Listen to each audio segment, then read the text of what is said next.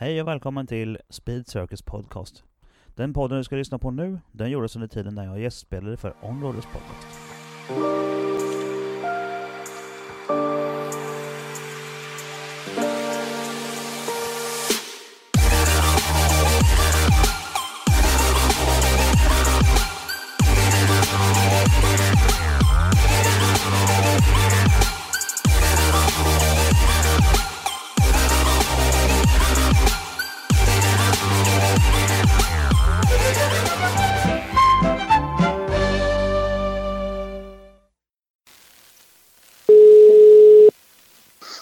Nej men tjena tjena. Tjena tjena! Fan det låter som du har slängt in en smurf i utrustningen. En smurf? En smurf. Jaha, på vilket sätt? Eh, ja nu lät det bara... Gammelsmurfen! Första gången du öppnar dem på länge! Hej då gammelsmurfen! Jaha, ja. Känns det bra att ligga där? Ja, ja, ja, lika bra. Ja. Jag- jag flyttade på det nu så det ligger på sidan lite grann. Mhm. Nej, nej, jag kände inte det. Jag märkte inte av det. Nej, nej, det var, jag flyttade så här mjukt och fint. Eh, Då börjar vi, tycker jag. Då säger vi välkomna allihopa som lyssnar eh, framöver till områdets podcast nummer eh, skitmycket. Ingen aning faktiskt vilken det är ordningen. 150 eller kanske något. Och så är välkommen till Robin Andersson. Hej på dig! Här på det. Tack, tack. Ehm, ännu en time attack-profil som eh, dyker upp här i podden nu bland alla driftarna. Ja, det har varit några, några stycken nu va? Eller vilken i ordning är det? För det är inte 150 där antar jag? Nej, nej, det är det inte alls. Utan det, det, det finns en hel del eh, skitsnackspoddar och så finns det i mitten också som är, som är, ja, en del av dem är riktigt roliga faktiskt. Men eh, time attack-förare vet jag inte, det vi, vi är nog tio högst tror jag. Mm. Jag har gjort ett par stycken här nu på slutet och innan dess var det väl egentligen bara jag och Karel tror jag. Ja, jag vet. Jag fick förfrågan för om det var förra året eller för förra året. Mm. Men eh, då var ju premissen att åka upp till vart nu det var då. Så Ja, Västerås. Kände jag att Västerås var det. Mm. Det kändes... Ja, det var kul men lite långt kanske för en sån grej. Ja, jo men det, det visst är det så. Jag åkte upp första gången jag var med. Det var, det var ju skittrevligt. Jag ångrar mig inte ett dugg efteråt. Men eh, man fick ju tänka en stund där och ja, långt att åka och sådär. Men det, nu har jag ju sköna grejer med så jag kan koppla in telefonen. Det gör ju allting mycket roligare och smidigare. Ja, Eh, Skype funkar ju också men telefon är ju bättre ljud alltså. Och alltihopa har löst sig genom en sladd som finns på Eleganten för eh, 20 spänn, 25 kanske. ja, det behöver inte alltid vara så dyrt. Nej, det är inte det. Det är sån här med, med headset, alltså eh, fyrpins eh, 3,5 tums plugg, eller 3,5 mm plugg i ena änden. Och så har du då den gröna och den eh, rosa i andra änden. Så då kopplar in mixen i den som är till för hörlurarna. Så det är rätt Ja. smidigt. Så det är alltså en, en adapter för att kunna koppla in ett vanligt dataheadset till telefonen. Smidigt, smidigt. Ja, det är suveränt bra.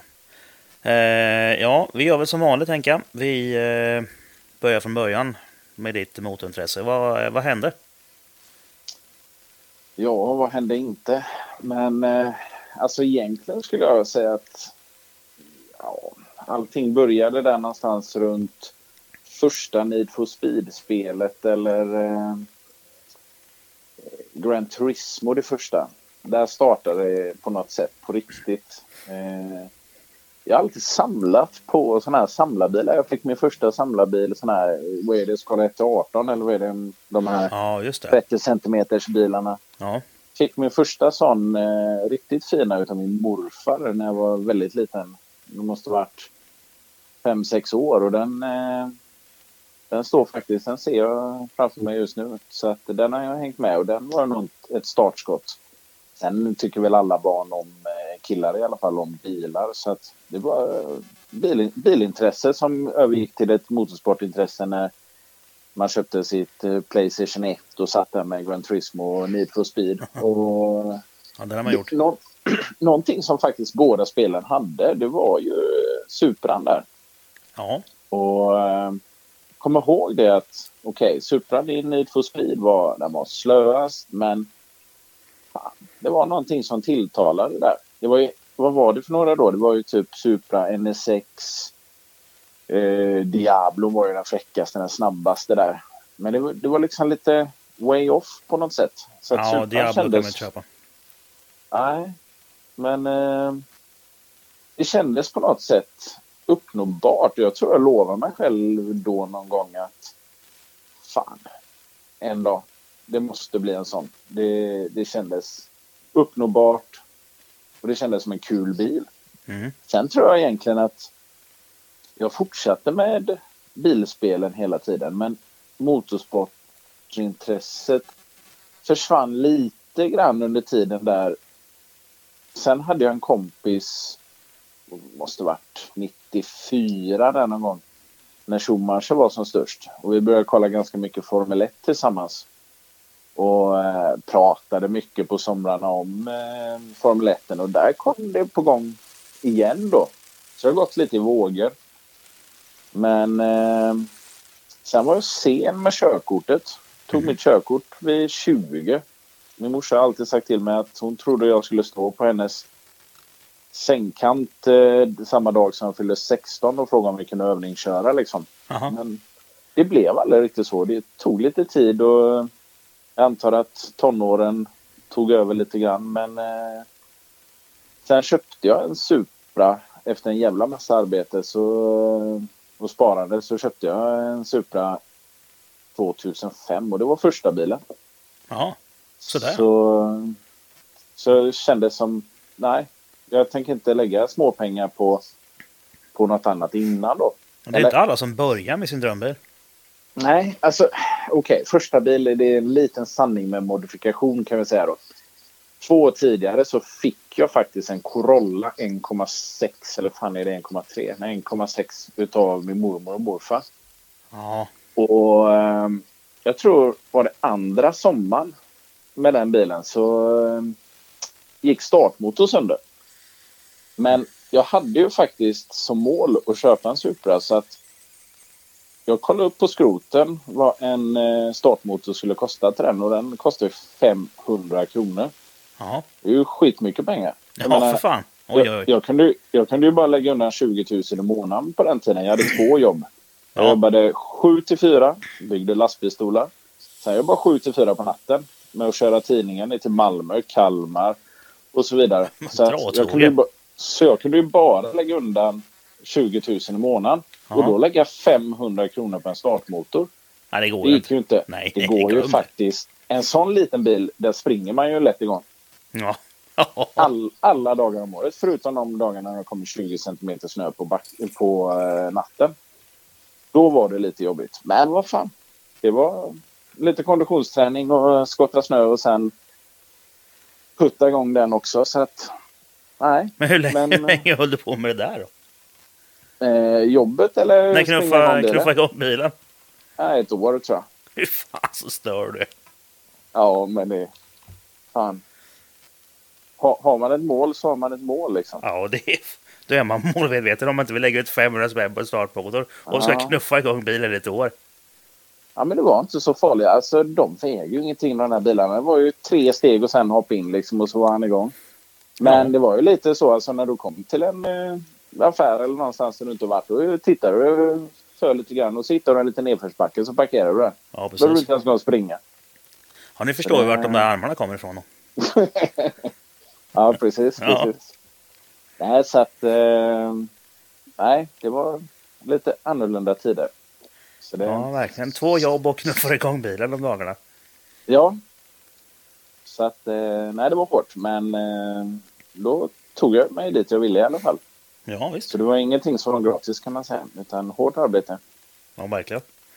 Sen 2005 då så köpte jag ju Supran och då var det...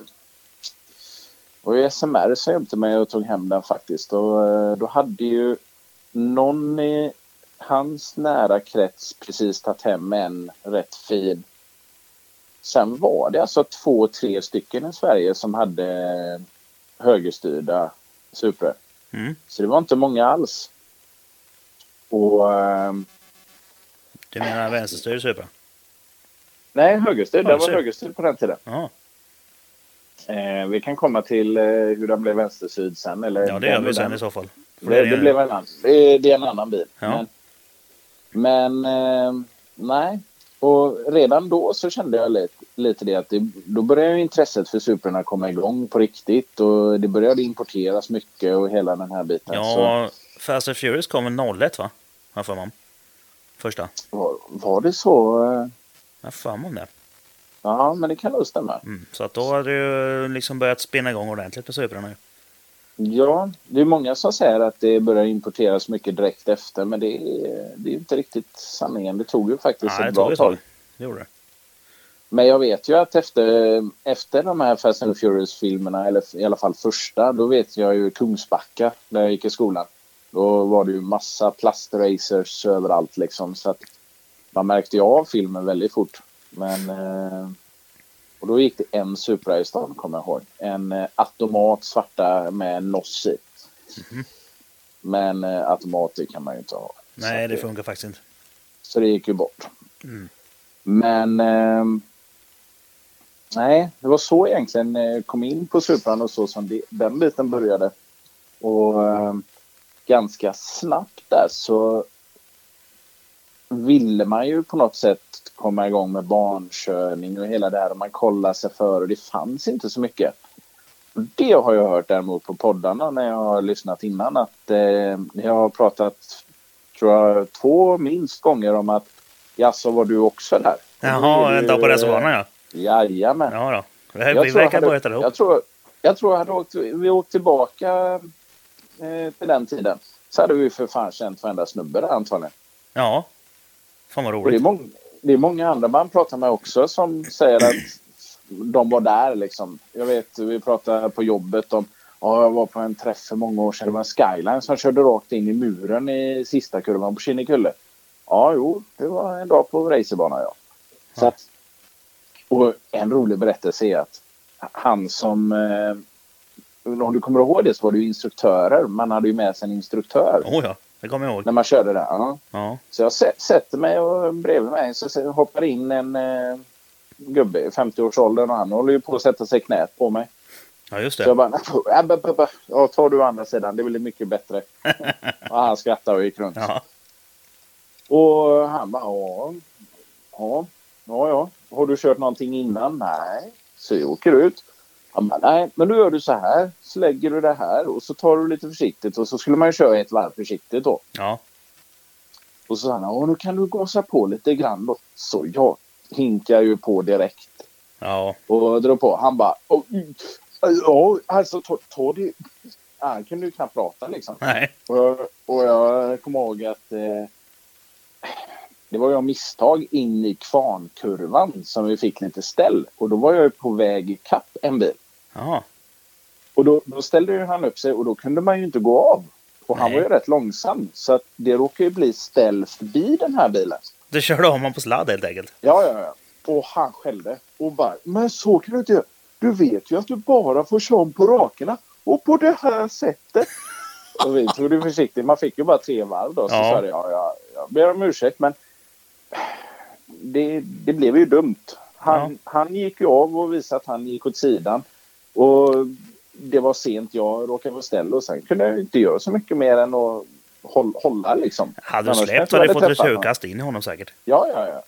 Så det var en lite konstig situation. Hur som helst. Det jag tror eh, det var för två år sedan så träffade jag en kille. Han bara, fan, du kör... Jag tror det var på ett av våra event. Termitex event. Ja. Så var det en i publiken som kom fram och pratade. Fan, jag känner igen dig alltså. Och, och så började vi prata då. Och han bara, nej men vad fan. Håller inte du på med, är det Radical eller är det... Nej, du är lite stor för F2 eller vad, vad, vad kör du för något? Mer än detta? Jag bara, nej men det är bara det. Jag kör Supran där borta. Han bara, jävlar. Är det du? Och då, då kom vi fram till att det är samma snubbe som åkte med mig då. Och han kom ju ihåg mig sen dess. Ja, tror fan han gör det. Så det var faktiskt lite kul. Och, Ja. eh, Så där har vi ännu en punkt med det här. Alla var på en dag på racebanan på Kinnekulle. Vilket år var det? jättekul. 2006? Ja. Kan det ha varit det? Ja, men det kan det nog vara. Nej, Ja. 06. Nej, vänta lite nu. Det måste ha varit tidigare. Eller ja, då, då, det, var väl, det var ju på slutet, men då var inte jag där. Just 06 vet jag. För, då, för jag vet att då är min, eh, då är min dotter född, ju, det äldsta. Ja, Utan, det ha varit eh, 2005 då? Det var ju då jag köpte bilen. eh, Men det kanske var jag vet andra inte, jag, för året jag var inte med sista, sista gångerna där. Sista två, tre gångerna Nej, tror jag. nej, var inte med, nej. men jag var med första gången. Och sen eh, tre, fyra år. Och det var ju 96. Så jag var nog inte med efter 00 tror jag. Ja, okej. Ja, ja, för det var väl att de tog upp något gammalt eh, igen kanske. Så kanske det var. Ja, de körde någon sån här... För 2005 kan det varit som jag åkte. För 2006 så körde de ju, det var ju då Ekström var där med sin DTM. Ja, den gången. Ja. Då var jag där det och tittade faktiskt. 2005, 2006. Ja. Men det kan nog stämma. Då, Ja, strunt samma. Och då körde röken av banrekordet. Ja, men inte så fort ändå. Vad körde de? 55 eller någonting? Ja, men det var, det var något sånt där. Men då var väl, det var väl banrekordet på 59 eller något sånt där, var det inte det? Ja, och det var inte mycket snabbare. Så att det vet jag att de slog rätt rejält. Ja. Men det... Mm, Men det var ju länge sedan. så, precis, det har vi precis. flyttat ner lite sedan dess. Ja, det har du ju minst sagt gjort. Ja. Ja, det, sen var det ju där, tror jag, 2007. Då hade jag ju dratt igång faktiskt Supra Club Sweden som är en förening, eller var en förening eh, för Supra då. För jag tyckte att det inte fanns något riktigt bra community till det förutom eh, Supramannens sida då. Mm. Och det var du som Och- startade igång det alltså? Ja, precis. Mm. Så eh, jag drev det ända tills förra året då jag la ner det då Facebook hade tagit över alldeles för mycket. Ja. Så det är jag som har drivit det hela vägen. Men jag tror att 2007 var det som vi drog igång eh, JDM Face-Off. Som var... Vi ville ju anordna träffar och det var ju därför vi drog igång klubben. Mm.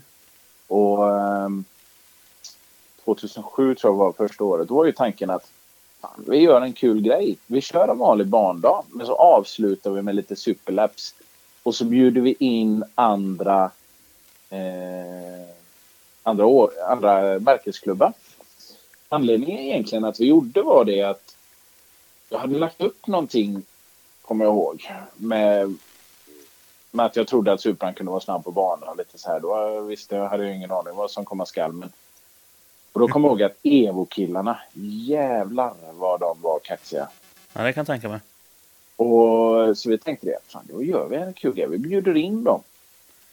Och eh, jag vet ju de profilerna som fanns då. Det är ju lite Stockholms king- killar där. Eh, och de börjar ju direkt på sitt forum då.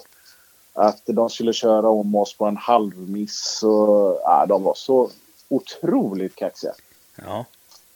Men eh, väl på banan kommer jag ihåg att eh, det var bara en enda som väl presterade faktiskt. Eh, och det var någon som inte alls var därifrån utan någon som kom in med lite yngre förmåga som körde någon superlätt eh, fan var det Evo 3 eller någonting som var jävligt duktig. Mhm. De gamla han- Evo-treorna vet jag, de är ju lätta som fan ju. Ja, men de andra var faktiskt nej, förvånansvärt slöa. Ja. Det här var ju... Jag kommer inte ihåg vilka bilar det var på den tiden, men eh, vem var det som hade Vembos Evo 5 innan han hade den? Ingen aning.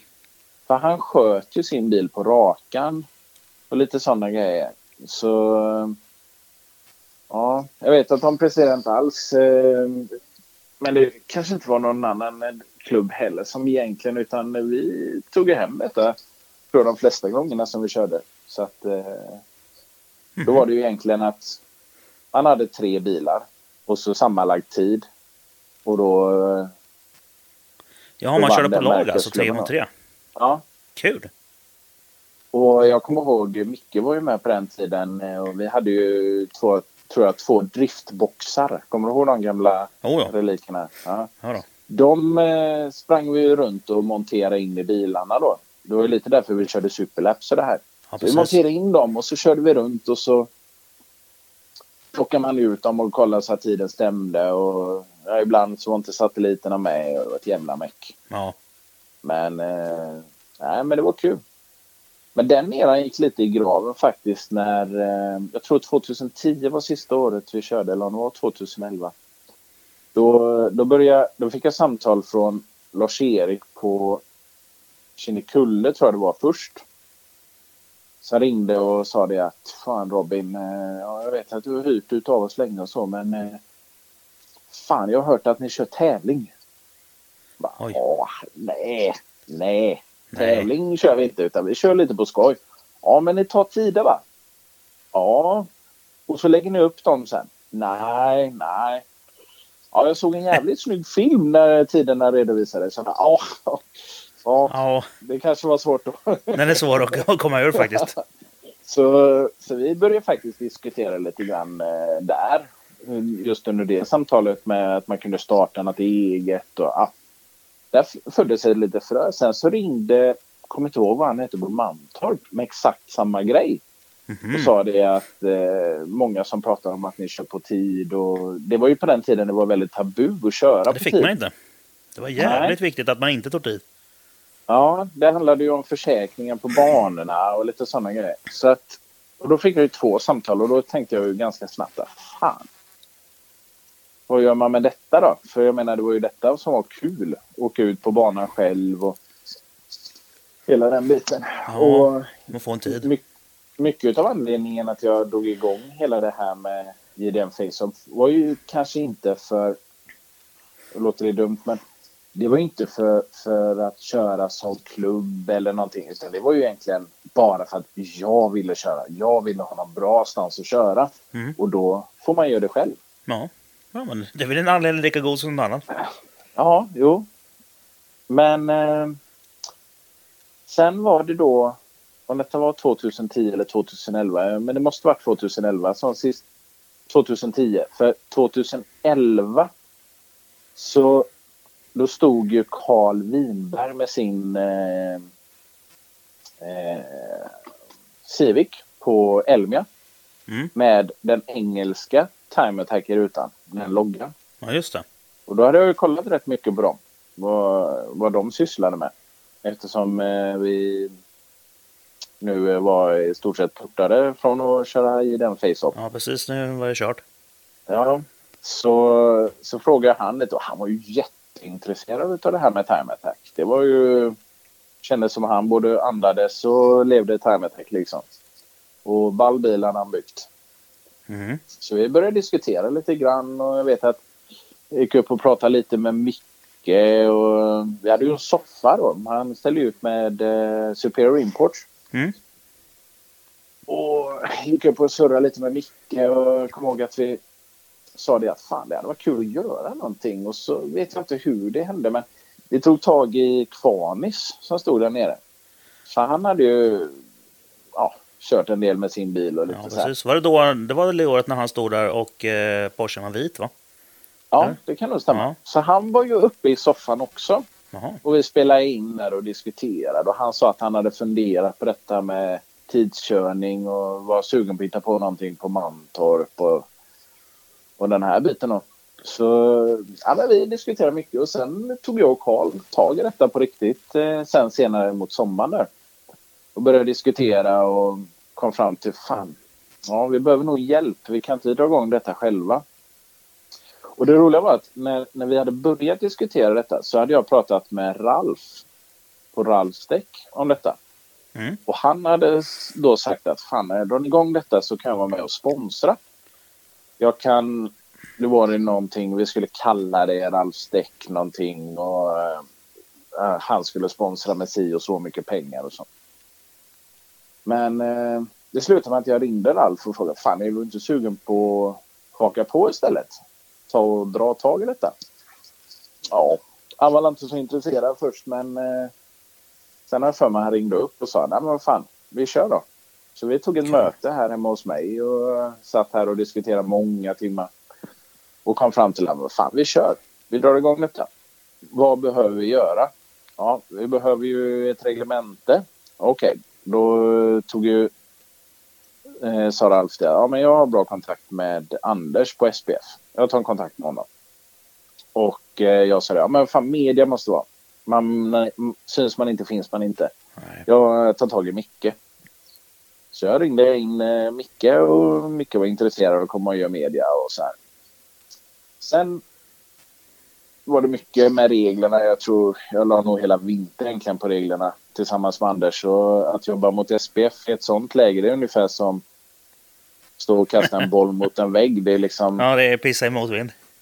Ja, eller pissa i motvind eller ja. Det är, det är otroligt svårt. Ja, det är tungjobbat. Allting ska vara så politiskt korrekt och det ska vara ditten och datten. Och många gånger så ska reglerna vara för att vara. Inte för att det ska finnas någon anledning. Inte Jaha. för att det ska...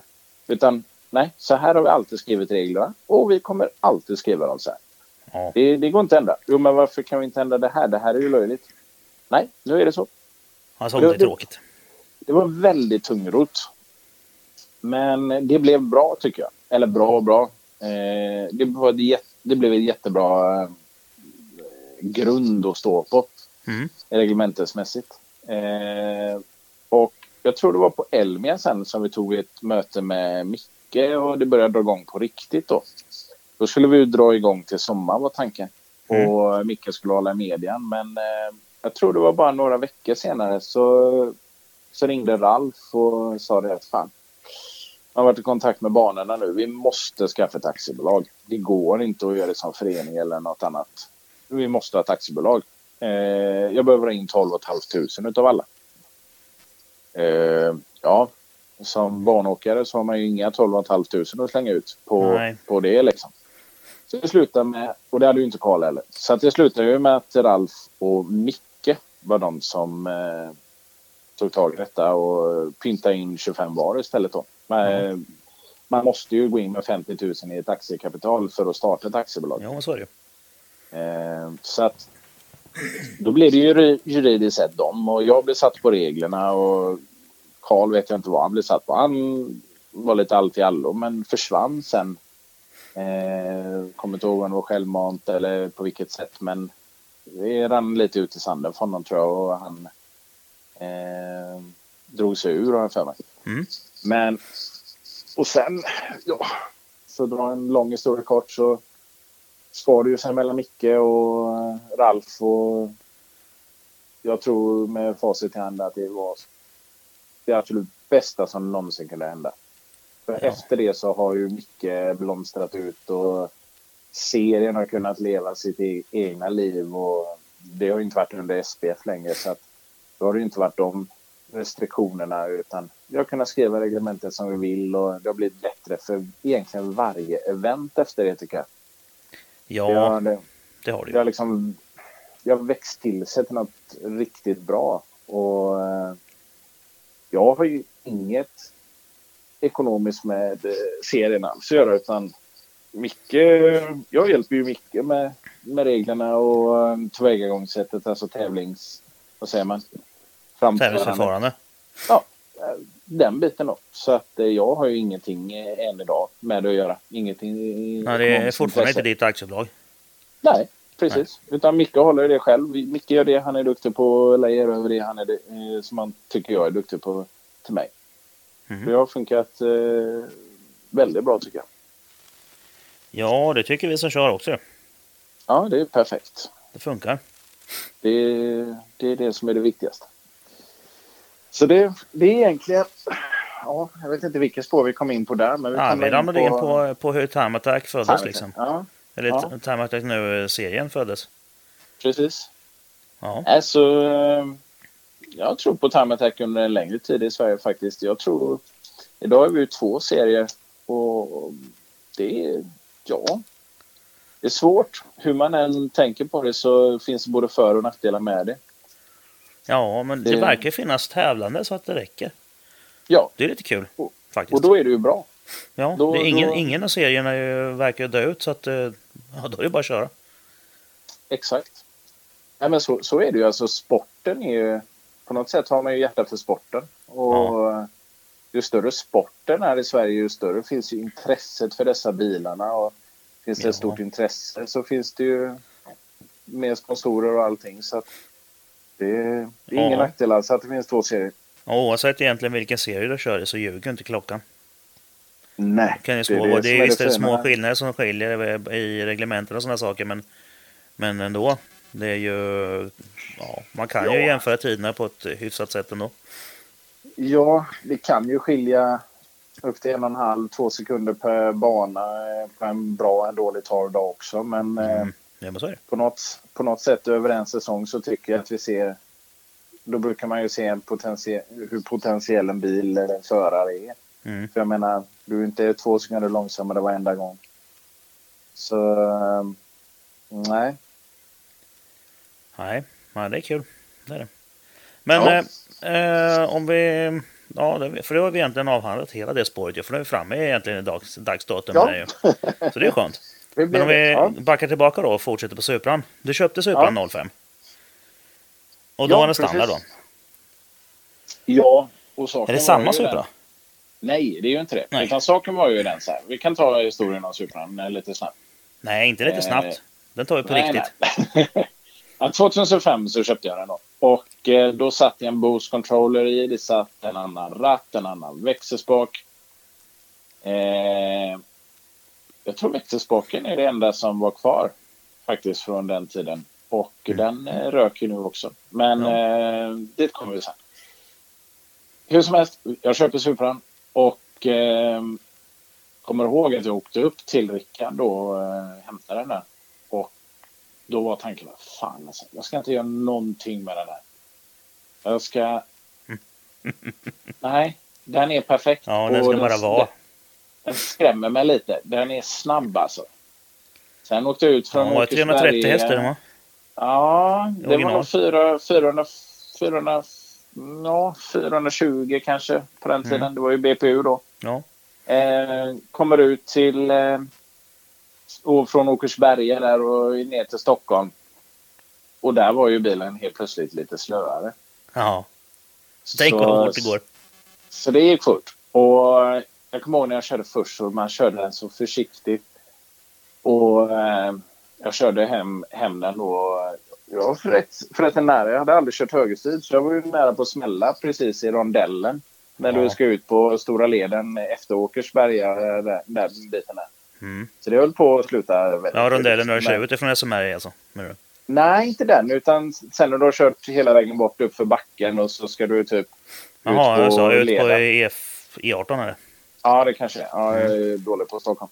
Ja. Men eh, där höll det på att smälla. Så att, eh, då höll det på att man fick åka tillbaka. Men eh, så blev det inte som tur är. Skönt. Men den här bilen som man var rädd för när man körde därifrån. Fem timmar senare, eller fem timmar säger vi officiellt, när, vi var, när jag kom till Göteborg. Ja, precis. Då, då var det ju liksom ställ i alla rondeller och det var street race på kvällen och det var man ju tvungen att åka på. Ja, självklart. Så, eh, så då åkte jag dit och körde lite där och lite så här. Och sen var man ju bara, fan jag måste hitta på något mer. Vad gör man? Vad gör man för att, hur kan man öka laddet? Vad, vad kan man göra liksom? Så att det gick fort. Det tog åtta timmar så var man helt hooked och satt på sidor och letade delar direkt liksom. Vad roligt det. Och eh, som sagt åtta timmar tidigare så tänkte man, fan ska jag inte göra någonting med den här på flera år. Det, är lite, det har vi också varit inne på i många poddar, alltså att man, man köper de här toppmodellerna och så sen blir det, bygger man sönder dem. Ja. Men sen tror jag jag byggde på denna i fyra, fem år kanske. Och det blev ju sing, singelturbo, det blev en strokad motor. Jag la ju kanske det året. Det var lite kul faktiskt. Eh, det var, jag kommer inte ihåg vilket år det var, men dollarn kommer jag ihåg. Den var nere på 5,93. Mm.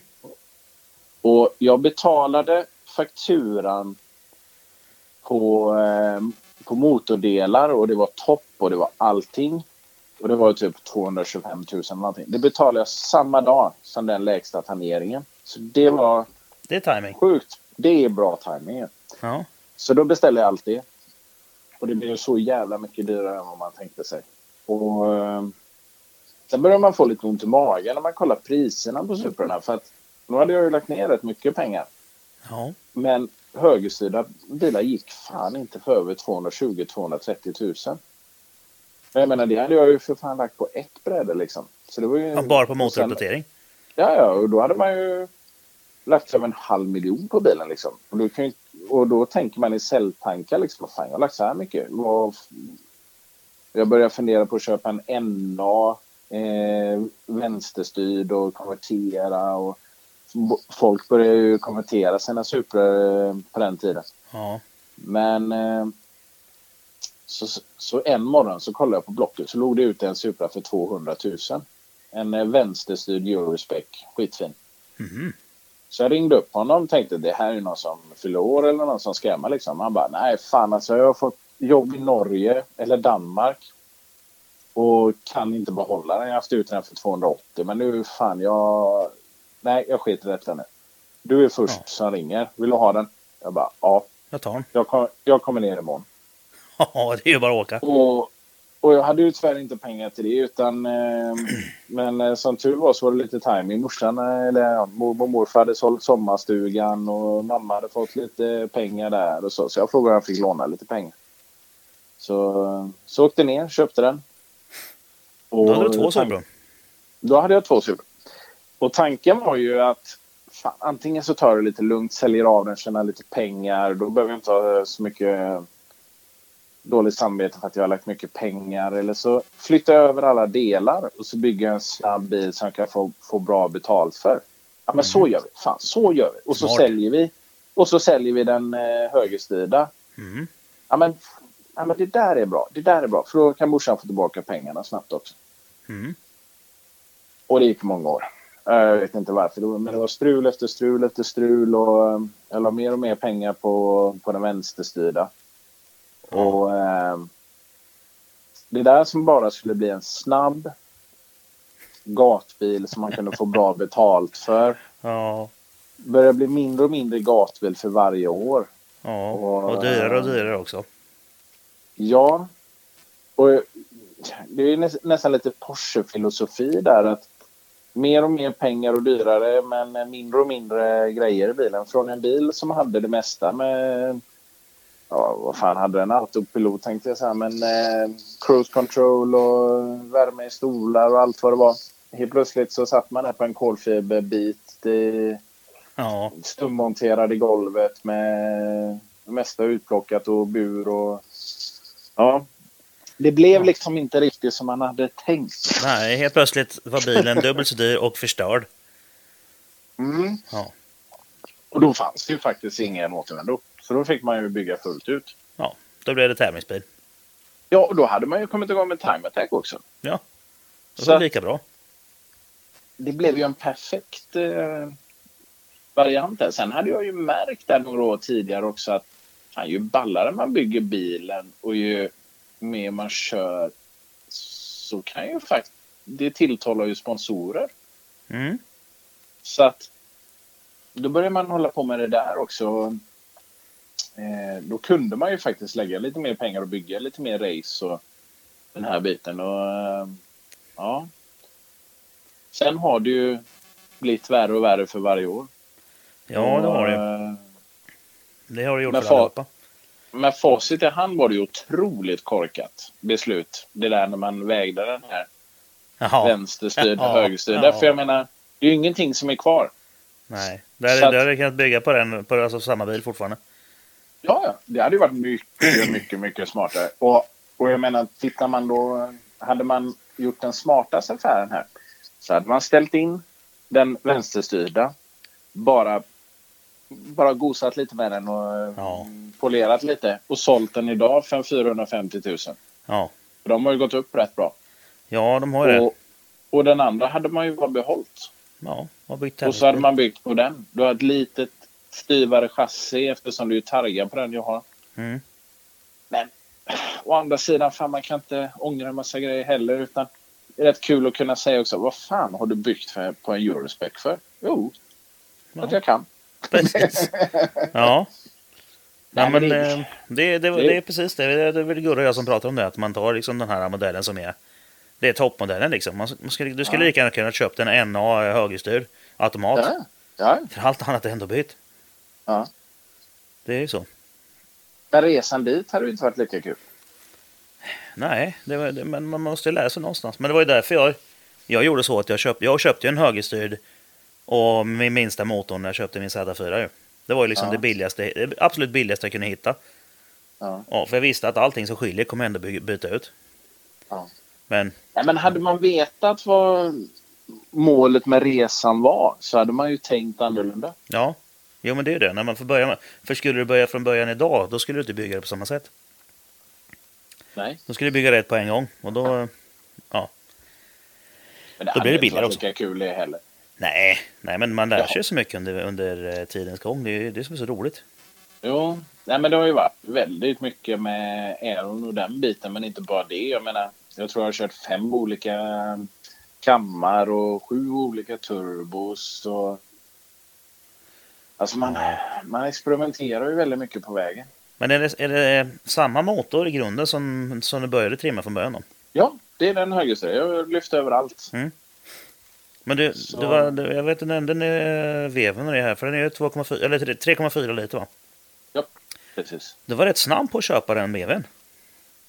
Det var rätt Ja. tidigt i bygget va?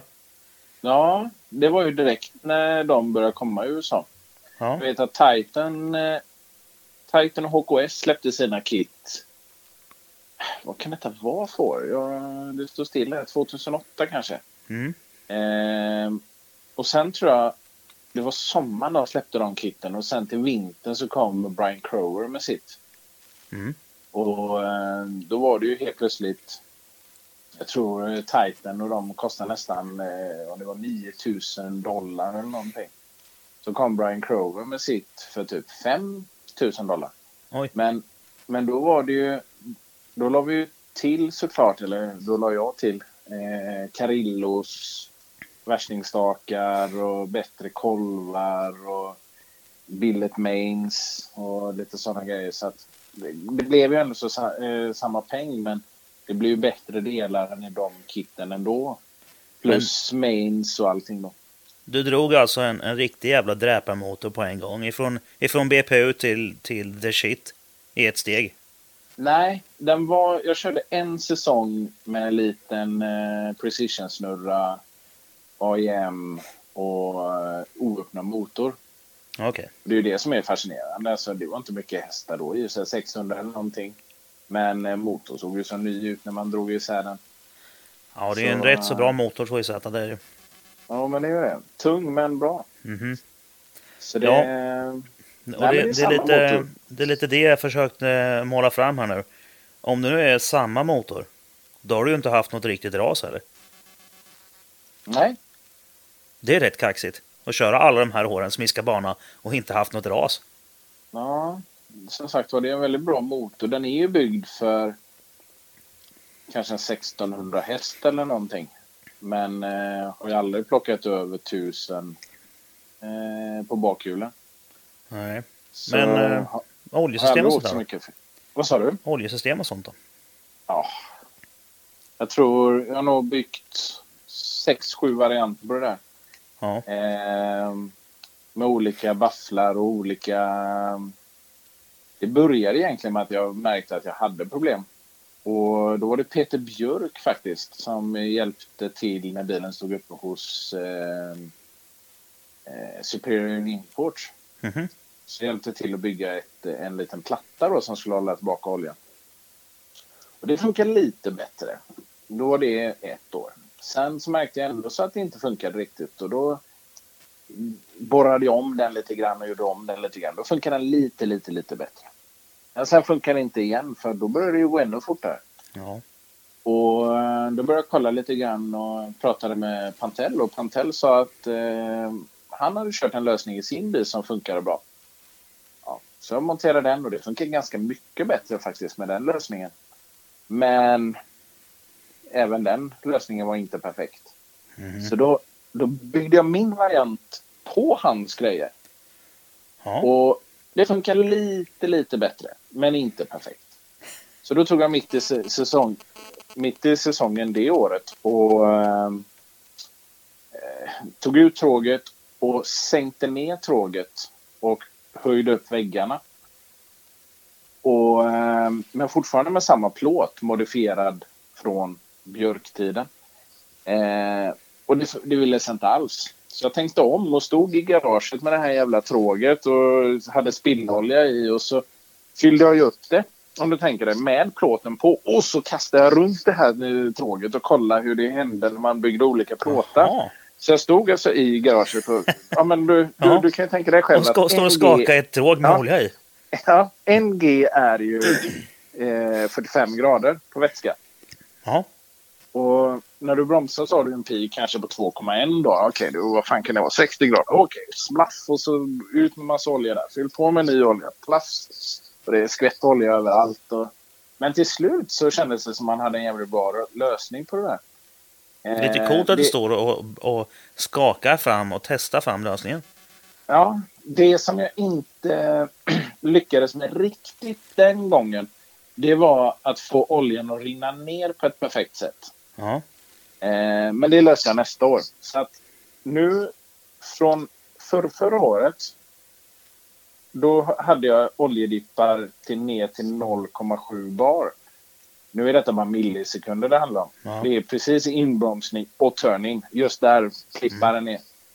Eh, till nu där jag har mm, i stort sett aldrig under två bar. Mm. Ja, då kaviterar det inte längre. Nej, så att det funkar hur bra som helst nu. Måste jag säga. Det är perfekt. Det är typiskt sådana här saker som brukar krypa fram på de här poddarna. Ju. Jag menar, Ja. vem fan ställer sig med ett tråg och fyller upp med olja och skakar? Det är ingen som gör. Ja, men det går ju liksom inte att tänka en sån grej. Nej, men det är Och- så, det är så klockrent. Det, det, är helt rätt sätt att göra det på. Och det är Ja. sånt, sånt är ingen som... Det är ingen, alltså, hur många vet det här om det egentligen? Nej, jag vet inte. De, de som stod i garaget såg ut efteråt kanske. Ja, alltså, de som hjälpte till att skura golvet. Precis, precis. Ja, Jag la faktiskt ut lite Absoldukar, kommer jag ihåg. Så det, men det såg ut för jävligt ändå alltså. ja för fan. Ja, det är en rolig grej. Det- Vad är det för pump? Ja. Är det originalpumpen? Det kan du inte ha. Eh, nej, det är en originalpump. Eller det är en originalpump. Mm. Eh, men det som är gjort med den är, det är ju en POR, Powerhouse Racing, som är en stor aktör på den amerikanska supermarknaden. Ja, man har bytt Det- drev och grejer. Nej, Nej. utan det de gör är att du har egentligen eh, två problem med Supra. Du, du har svajigt tryck, oljetryck, vilket gör att man då kimsar om den lite grann. Mm. Men de skjuter ju väldigt ofta främre packboxen. Och det gör de på grund av ett högt interntryck. Och då borrar man upp returen på dem. För Okej. att få en bättre evakuering. Då. Eh, och så sen så borrar man eller limmar eh, packboxen. Så, eh, men annars är det helt original. Och eh, den brukar jag plocka isär en gång om året och så kollar man igenom den liksom och ser. Och, den brukar se bra ut varje år. Jag brukar ta en sån, eh, vad heter det? Eh, bryn, brynsten liksom. Mm. Gå över om det är lite kanter på dem. För ibland blir det ju lite, lite vasst i kanterna då. Så Ja, bryner precis. man bara av dem lite grann. Så det har funkat jävligt bra Som en faktiskt. riktig verktygsmakare. Vad sa du? Ja, som en riktig verktygsmakare. Ja, precis. Nej, men det, jag fick det tipset av eh, eh, Moje faktiskt. Som är jävligt duktig på att bygga Supra-motorer. Mm. Han, eh, jag hade uppe min... Året efter där, där jag hade stora problem med oljetrycket. Eh, när det började gå fort. Det måste varit tre år sedan. Då, eh, då räddade eh, faktiskt en väldigt bra eh, flaggvakt mig från ett stort ras. Eh, jag hade ju kört klart den säsongen och eh, hade vunnit och var glad och körde lite sponsorer och skulle ge min kära sambo Johanna en eh, åktur. Och åker ut och eh, står flaggvakten där och drar ut bilen framför mig. Och när jag ska ut så visar han bara handen och säger att dagen är slut. Du får inte åka ut. Jag bara, och så tänker man lite så här snossigt liksom, vad fan. Vet du inte vem jag är? Jag får åka ut. Ja, Och precis. så, så här, kommer jag på två sekunder och säger, fan vad bra var honom att säga nej. Ändå. Ja, ja, skitsamma. Lite sur för att jag inte fick och Johanna var lite sur för att hon hade inte åkt med någonting det året.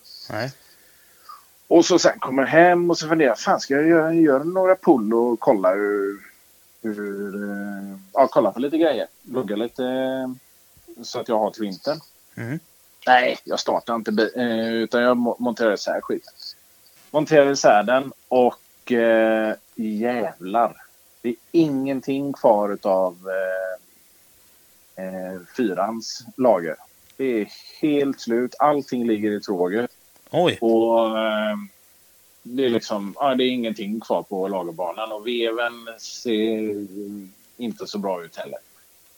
Men det, det har inte bankat, inte slått, ingenting liksom. Och eh, det kändes verkligen som, hade jag kört ut där så hade det gått åt helvete liksom. Så att, eh, ja.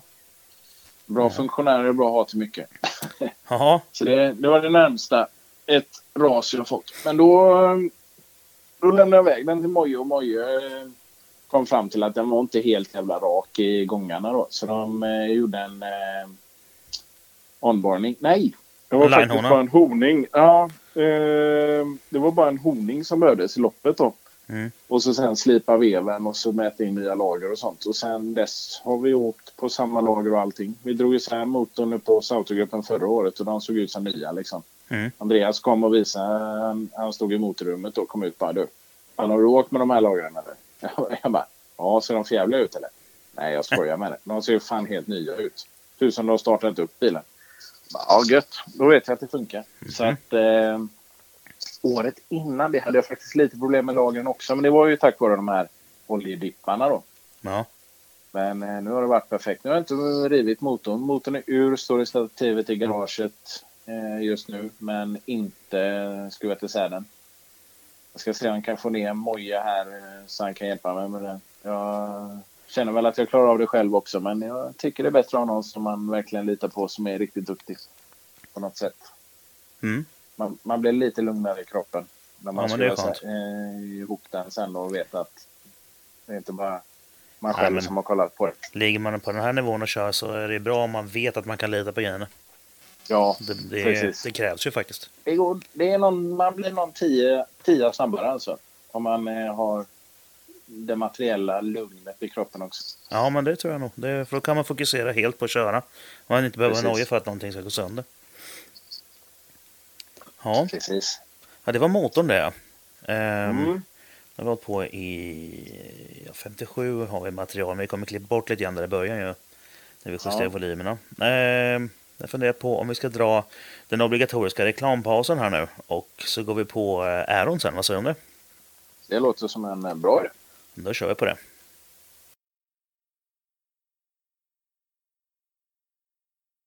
Då är vi tillbaka efter reklamen. Hoppas alla haft eh, trevligt när de tog av sig lurarna, om de nu gjorde det.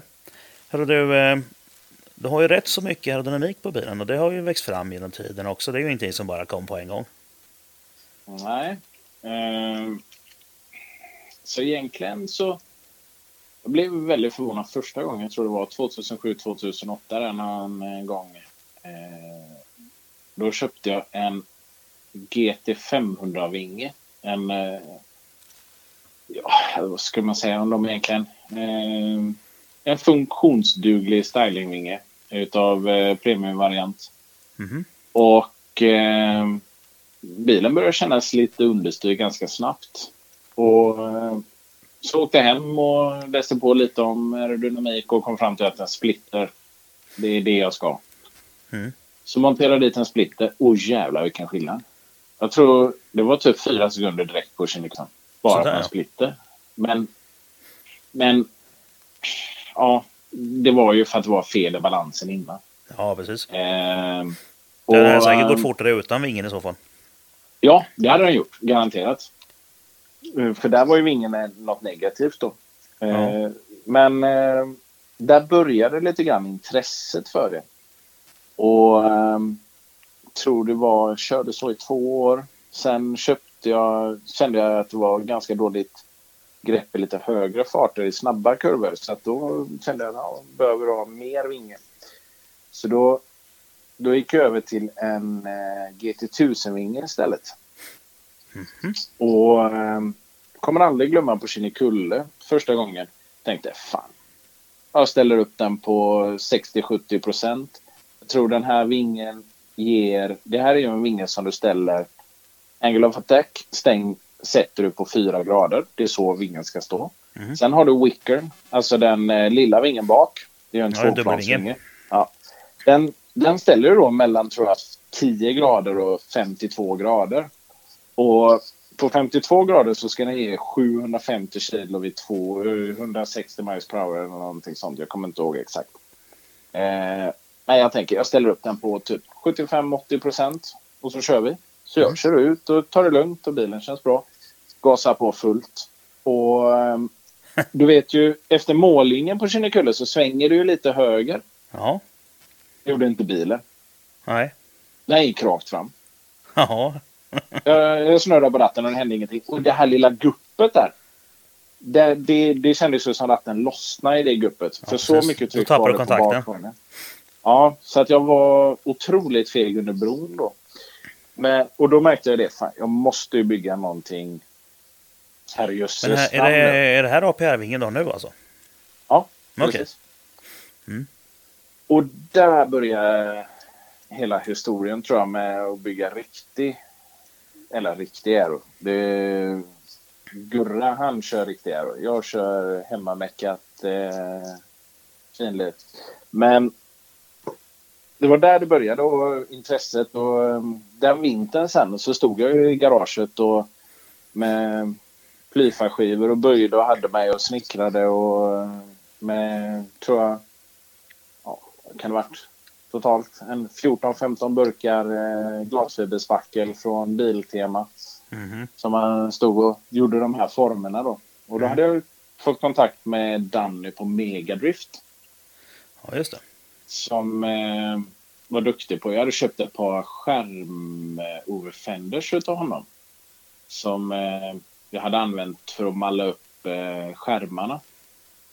Och eh, då skickade jag ner skärmar och front och diffuser och vad var det mer? Huvud till honom det året. Och eh, hem kom riktigt fina grejer i eh, glasfiber då. Mm. Och, eh, ja, det, var, det var inte riktigt bara Bolton skulle jag inte säga, men alltså passformsmässigt var det fan perfekt. Skärmarna vet jag, de, de har ju sålts till Australien och fan över hela världen. Mm. Och alla säger att det är så jävla bra passform på dem, så de har varit helt grymma.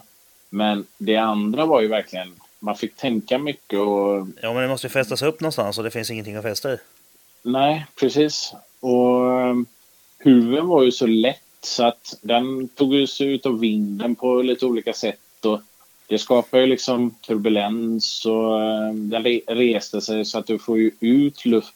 Eller snarare, det är inte ut luft som alla tror utan in Ja, i ja. rutan och ner längs torpeden och sen under golvet. Och, Ah, det var mycket meck för att få det att funka men jag tror det var nu förra året som man verkligen började märka att det börjar funka liksom.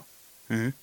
Så eh, alltså har man chans att gå lite mer din väg och köpa motorsportgrejer så tror jag ju på, Ja, det på är det ju på något enkelt. sätt. Ja, men det är det som det mesta i livet. Det är enkelt men du går inte hela vägen. För att man kan ju ta din aero, min aero, Gustavs aero.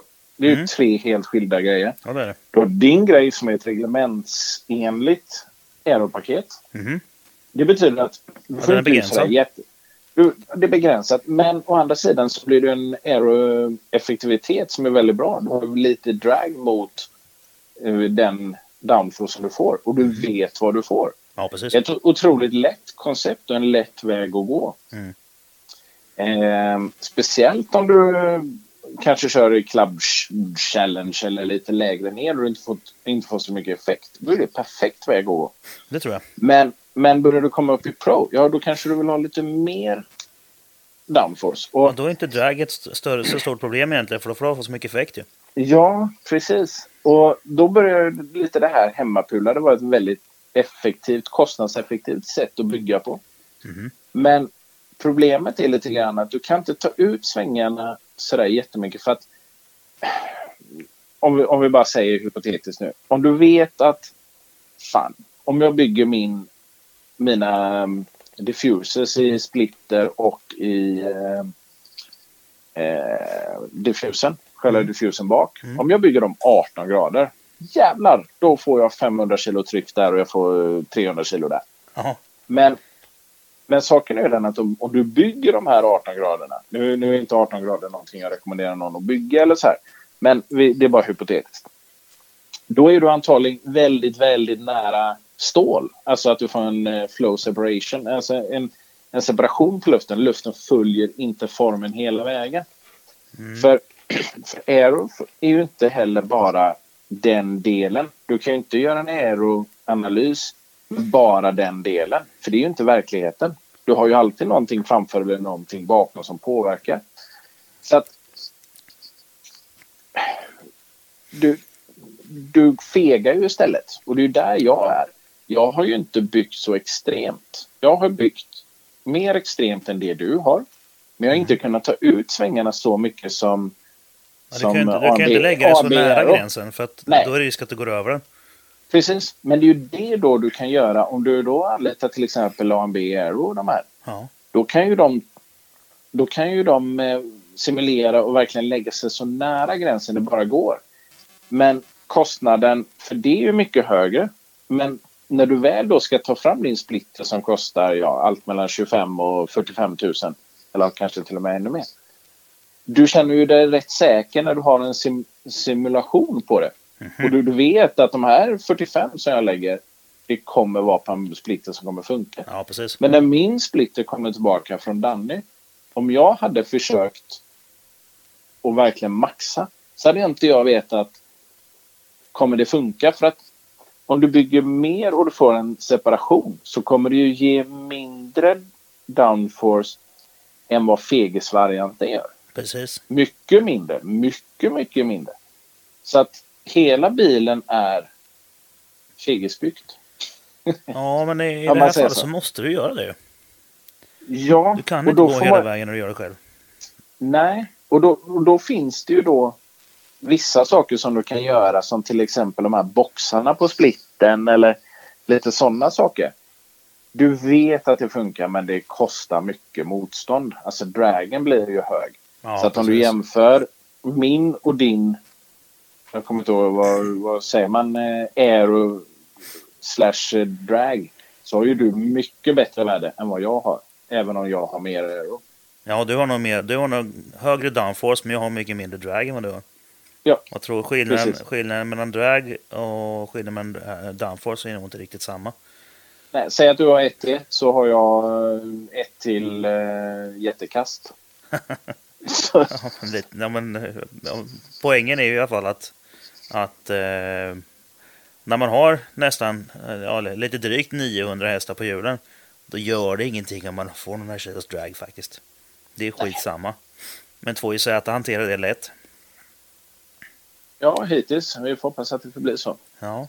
ja, vi har ju sett eh, eh, främst då på Kinnekulle var det ju när det regnade. Mm. Så står vi ju allihopa står ju i depån och tittade efter sprayen. Och det var ju riktigt kul att se när du kom alltså. Det var ju faktiskt ett otroligt Ja, kul... det, ja, den skickade ju upp vatten ända upp på bron. Det var ju Ja. asfränt. Nej, men det var ett bra kvitto på att det funkar. Och när man kollar på de här slow, slow motion bilderna och man ser liksom hur luften från under splitten går upp genom hjulet och sen ut ur hjulhuset bakom hjulet och hur vattnet slungas upp bakom bilen i en perfekt vinkel, samma vinkel som vingen så att de verkligen samarbetar. Det var Mm. riktigt fräckt Ja. att se. Och sen såg man också att det var, det var hög densitet på vattnet. Väldigt Ja. högt upp i luften. Ja, det splittrades den- inte sen, utan så det stålade inte någonstans. Det var liksom ingen virvel där, utan det bara var ju rakt upp. Ja. Ja, det var lite kul att se faktiskt. Ja, Det var, det var riktigt synd att, eh, att Gurra skrotade sin, eh, sin spindel där. För annars Ja, hade vi fått det- se den bilen också. Men det, det var ju likadant sen när vi kom till Mantorp. För det var ju också du och eh, Speedlab körde samtidigt. Ja, Och det var också kul att se. ja. Ehm, vad var det jag skulle säga där? Det finns faktiskt en kul bild också. Det, det är väldigt kul med alla fotografer som är på eventen. För där kan man också se lite roliga så här aerodynamiska grejer. Mhm. Eh, det finns en bild på rakt från sidan. Där du ser, du bara tittar på bilden och då ser du inte eh, egentligen eh, magin. Men när du tittar närmare så ser du att det går en rätt tjock, alltså en, det regnar ju inte. Det är det som är det roliga i denna bilden. Utan det är bara blött i luften. Mm. Så du får ju en högre densitet precis vid huven och, och sen en båge upp över luftutsläppet i huven. Ja, Så det blir en båge liksom. Det är, sådana saker är riktigt fräcka och det, det ser man ju inte när man kör såklart. Men du Nej. ser ju det sen på bilderna. Så att eh, det var kul och bilen funkar ju så otroligt bra i regnet. ja. Det var ju... Eh, Jag har sällan haft så kul i bilen faktiskt. För det kändes verkligen... Ja, den kändes så bra i regnet här. Ja, det var en kul, det var en kul helg faktiskt. Ja, Ja. slutade lite tråkigt, men det... Ja, jo, det gjorde det. Men det, det klarade sig rätt så bra. Det var inte så mycket skador. Nej, det var väl eh, lite golv och splitten och... Eh, det var ju... Ja. Men lite... Eh, war damage. Men Ja. det, det Jo, men förr eller senare ska du ta med av lite grann. Så enkelt är det ju. Ja, så är det. Ja. Så att, Det är bara synd om man gör det efter man har stått eh, närmsta dagarna. Där. Jag tror vi stod typ 10 timmar med att få en bra finish på splitten in på kolfibern. ja, och Men sen du av. eh, Tack. ja, jag vet. Vi stod och höll på där och så, och så säger jag men nu är jag nöjd. Det här är race finish. Och Andreas som är lite perfektionist uppe på eh, eh, autogruppen bara nej, fan jag vill inte släppa iväg den så här. Jag vill att den ska se bra ut. Ja, ja, vi slipar med. Slipar Ja. lite mer. Fan, nu börjar den se riktigt bra ut. Vi lägger lite till. Ja, Ah, jag vill ha hur mycket jobb som helst. Ja. Men det blev bra. Men eh, jag tog ett par bilder där på Kinnekulle och det var ju tur att det blev några bilder innan den såg lite mer vågig ut nu efteråt. ja, precis. Men eh, du vann ju. Ja. Ja. Eh, men det var... Jag fick ju i eh, radion då, alltså i lurarna, att eh, du ligger tre sekunder före tvåan. Ja. Ja, du kan komma in nu. Det- De kommer inte komma ikapp. Nej. Va? Ja, men jag har på min dash att jag har kört en 0003 eller någonting sånt. Helt löjligt. Vet du hur kul det hade varit att köra under minuten? Ja, men kom in istället. Det är ingen som slår det. Nu, jag gör ett försök till. Ja, jag ska under minuten i regn. Ja, och äh, jävlar, då satsades det hårt. Och då... eh, ja, jag har, lagt upp, jag har lagt upp lite bilder på det där. Det är så jävla skumt för du har TPS-signalen som går i kurvan. Från ungefär 40 procent. Ja, för de som inte vet TPS-signal, alltså throttle position. Eh, gasspelsvinkel. ga, ga, gas, ja, gaspedalen då. Jag går från 40 procent gas till ungefär 80 procent. Där går varvet upp. Eh, trots att jag håller jämn gas då. Det betyder ju att hjulen spinner. Ja. Eh, sen går jag ner från 80 procent ner till tror jag, ganska, under en sekund, alltså det är ganska lång tid, 0,8 sekunder eller någonting. Så går jag ner till 40 procent. Då ligger varvet ganska stabilt. Alltså, jag farten börjar komma ikapp hjulspinnen. Ja. Men vid 40 procent så går varvet från 4000 till 8 och 3 på typ 0,2 sekunder. Mm. Och då är tendensen på pedalen fortfarande dykande. Ja, det släpper. Med- Medan du backar av på gasspel Så, så, släpper så det. bara pangar det till. Och exakt här, om man jämför då med hur styrutslaget är, så är ju på ungefär 80 procent så har jag ungefär eh, 90 graders vinkel på ratten. Sen går jag ner från 90 grader och när jag nästan når noll, jag tror jag är nere på kanske typ 12 graders vinkel. Mm. Där är 40 procent TPS. Och pang! Så slår det till. Så att allting, gasen, allting går åt rätt håll. Och så sen bara pangar det till och Det varvet måste ju varit en liten vattenpöl eller någonting.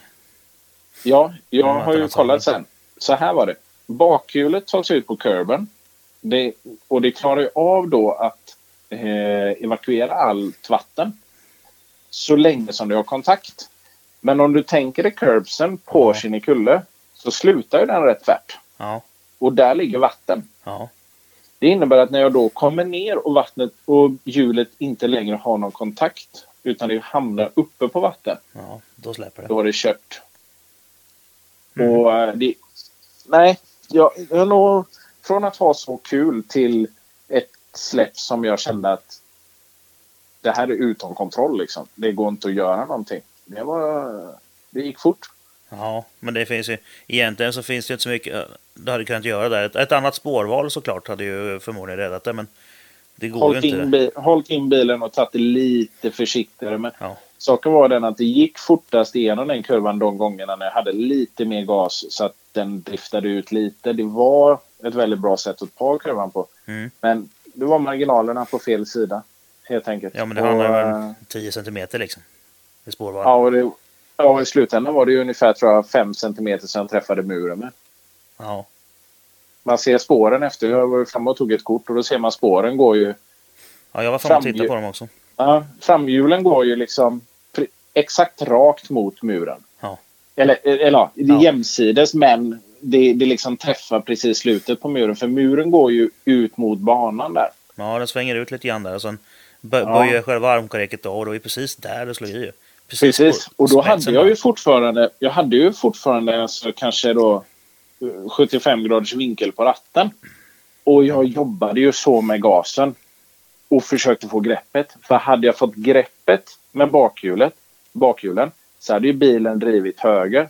Men Ja. jag fick ju inget grepp i, i vätan. Nej, men och jag kunde- Det går inte. Och jag kunde, jag kunde inte styra höger. För hade jag styrt höger så hade ju röven gått in. Ja. Så att jag var tvungen att, att styra mot räcket. Alltså en countersteer. Ja. Så det var ju väl, och det kändes ju verkligen som att det tog lång tid. Det var liksom bara, nej men vad fan, vad ska jag göra? Jo, jag gör så här. Ja, men det funkar ju inte. Nej, men jag kan ju inte göra något annat. Det var nästan så att man, man diskuterar med sig ja. själv. Och Liksom. hjärnan jobbar för liksom... Och den jobbar så otroligt fort de där så, eh, Ja. händelserna så att det bara... Det känns som det tar lång tid. Ja. Och sen bara pang, bara fan. Ja, och jag bara hoppa ut och kolla vad som gick sönder. Så det, Ja. ja, men så är det. Ja, och där parkerar du faktiskt jävligt snyggt också. Långt bort Ja. från banan så att eh, det var ingen som behövde flagga någonting. Det var bara att köra. Nej, det, det blev en bra parkering. Ja. Jag hade inte så mycket val kan jag säga heller. Eh, spindeln gick ju sönder. Ja, det gick inte svänga något. Så, så nej, det var rätt. Alltså, för att inte lägga en vikt på vänsterhjulet, för jag kände ju att den, att den neg där, Mm. så var det ju en konstant sväng till vänster för att lägga tyngden på höger Ja, tills precis. bilen var stopp. Så att det, ja, Ja, där fanns det ju plats för det också. Det är ju perfekt. det var en bra åskådarplats där. Ja. Ja, men då så. Ehm, Ja.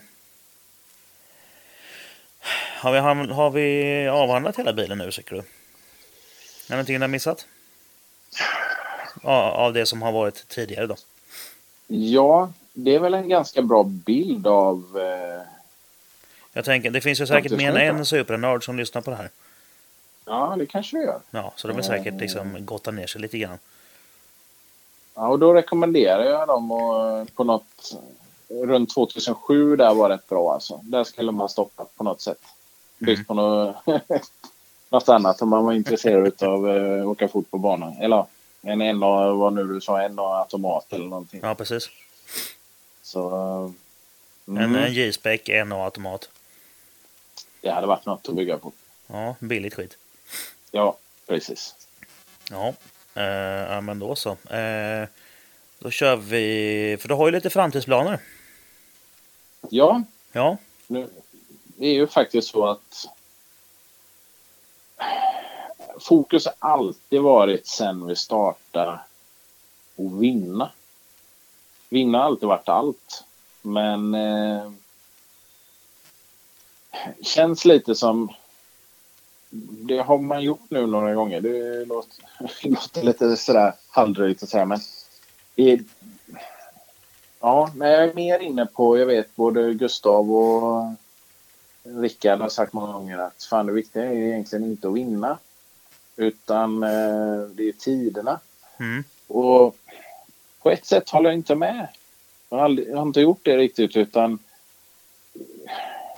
nu i år blev lite höjden av det. Det blev lite att jag behöver inte åka fortare än så här. Många gånger när man åkte ut så var det okej, okay, jag kör de här tiderna. Det är det här som krävs. Mm. Och jag tycker jag har gjort det nu. Alltså, jag bevisar ingenting genom att vinna en gång till. nej Det okej. känns som att det... Nej.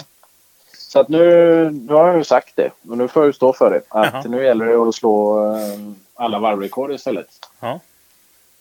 Så, det, Så nu är det, ju nu är det tiderna som gäller. Nu är det bara tiderna. Så nu kommer jag... Jag säger nu och jag har sagt innan att jag fullständigt skiter i om jag vinner eller inte. Men jag vet ju att när man väljer där så vill man vinna. Ja, Det är ju liksom i ens natur. Men, eh, Men du, du, kommer inte, du kommer inte nöja dig med en vinst utan nu, nu, idag, idag vann jag, ja men då kör jag inget mer varv. För det, Det har ju varit lite så när du har kört innan. Du har gått ut, smält på och bara ja, men det här räcker. Ja, men då åker in. Ja, eh, ett bra exempel på det är ju att det här året körde jag 11, 11 varv. 11 snabba varv.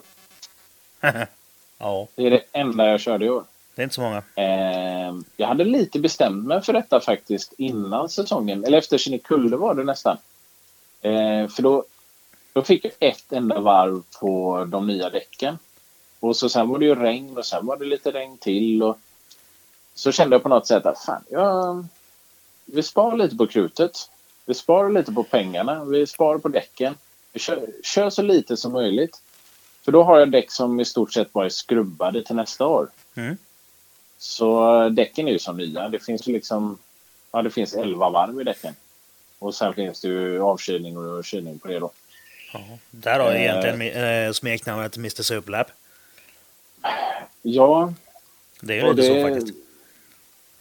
det har ju alltid varit min starka sida att kunna plocka fram det där när det behövs och kunna göra de där snabba varven. Och det vet jag många gånger som det har varit när det, när det kanske inte riktigt har funkat heller. Och sen är det väl final. Då har det bara pangat till på någonting. Jag vet eh, förra, förra året när jag vann nere på eh, Karlskoga. Då var det typiskt sånt. Då var det lite felväxlingar och sånt. Så då var jag absolut inte Mr Superlap utan då var jag frustrerad. Då var det nästan så jag skrek i radion till eh, han som hjälpte mig då att fan jag får inte till det. Det är felväxlingar och eh, det vill sig inte. Mm. Och, eh, men sen, sen så sa jag nej jag nöjer mig. Och Då låg ju både Paulsson, Gurra och Filip före.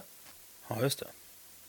Och eh, tänkte fan jag nöjer mig. Du vet, fan jag behöver bara plocka, nu säger jag jättemycket men eh, ja, jag behöver ju bara plocka eh, typ fem poäng om detta står sig nere på knutan. Ja. Ja, men så säger han eh, någonting och så det går man igång lite grann på. Ja, men hur jävla kul är det att komma fyra eller någonting sånt?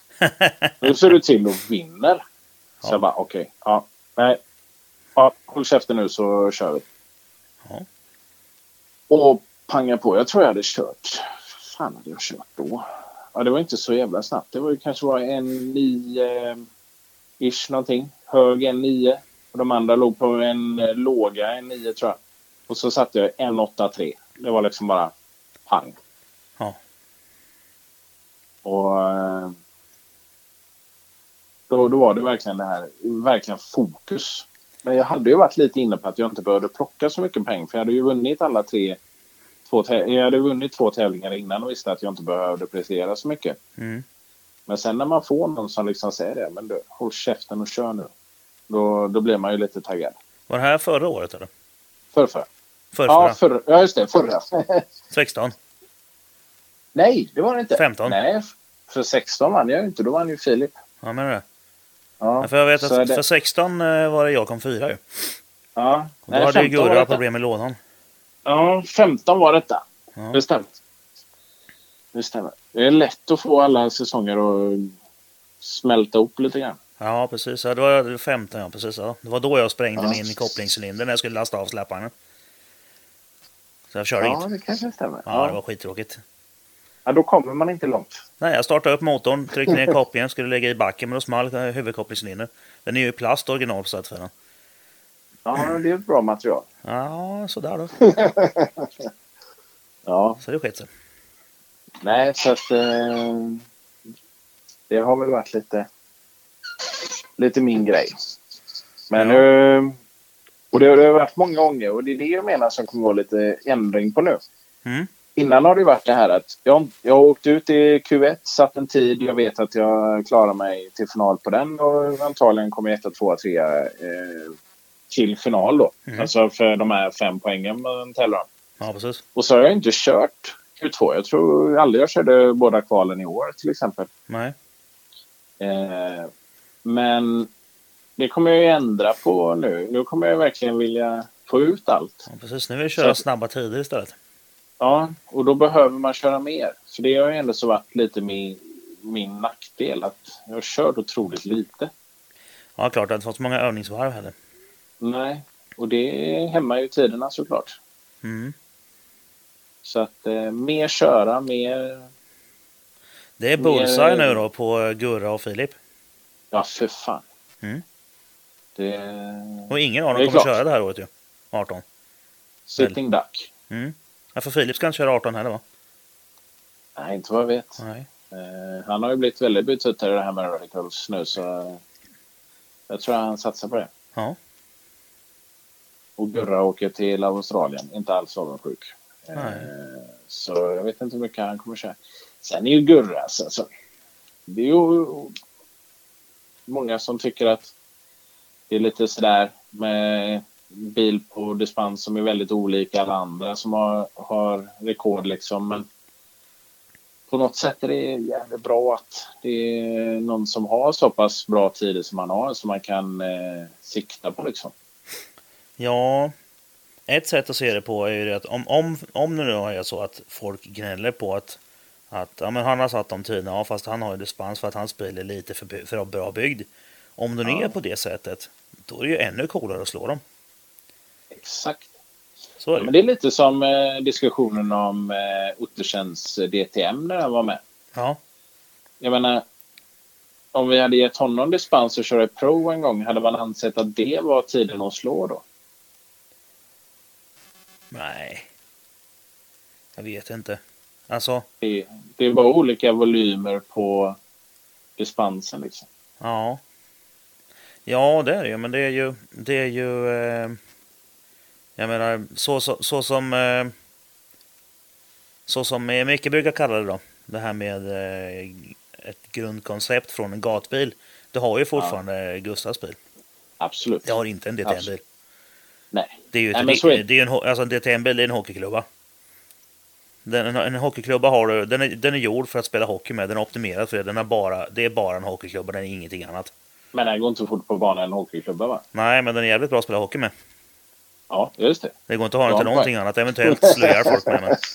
Så att, Precis, eh, och det är precis. samma sak med DTM-bilen. Den är liksom optimerad för att uppfylla i och för sig det reglementet då. Men Mm. där är den ju liksom outstanding.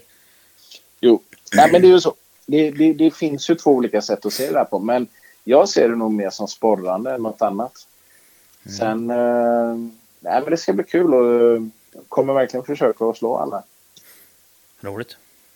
Och eh, vad hade en satsning varit om man inte satsar till 100 procent liksom? Ja, Så det... Ja, nej, men det ska bli kul. ja. Och därav ringde du till Quife.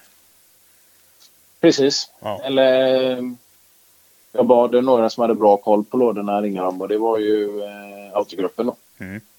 Ja, de kör väl Quife i sin också?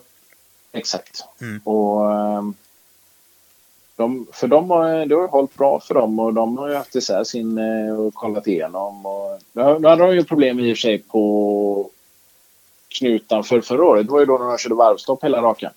Ja, just det.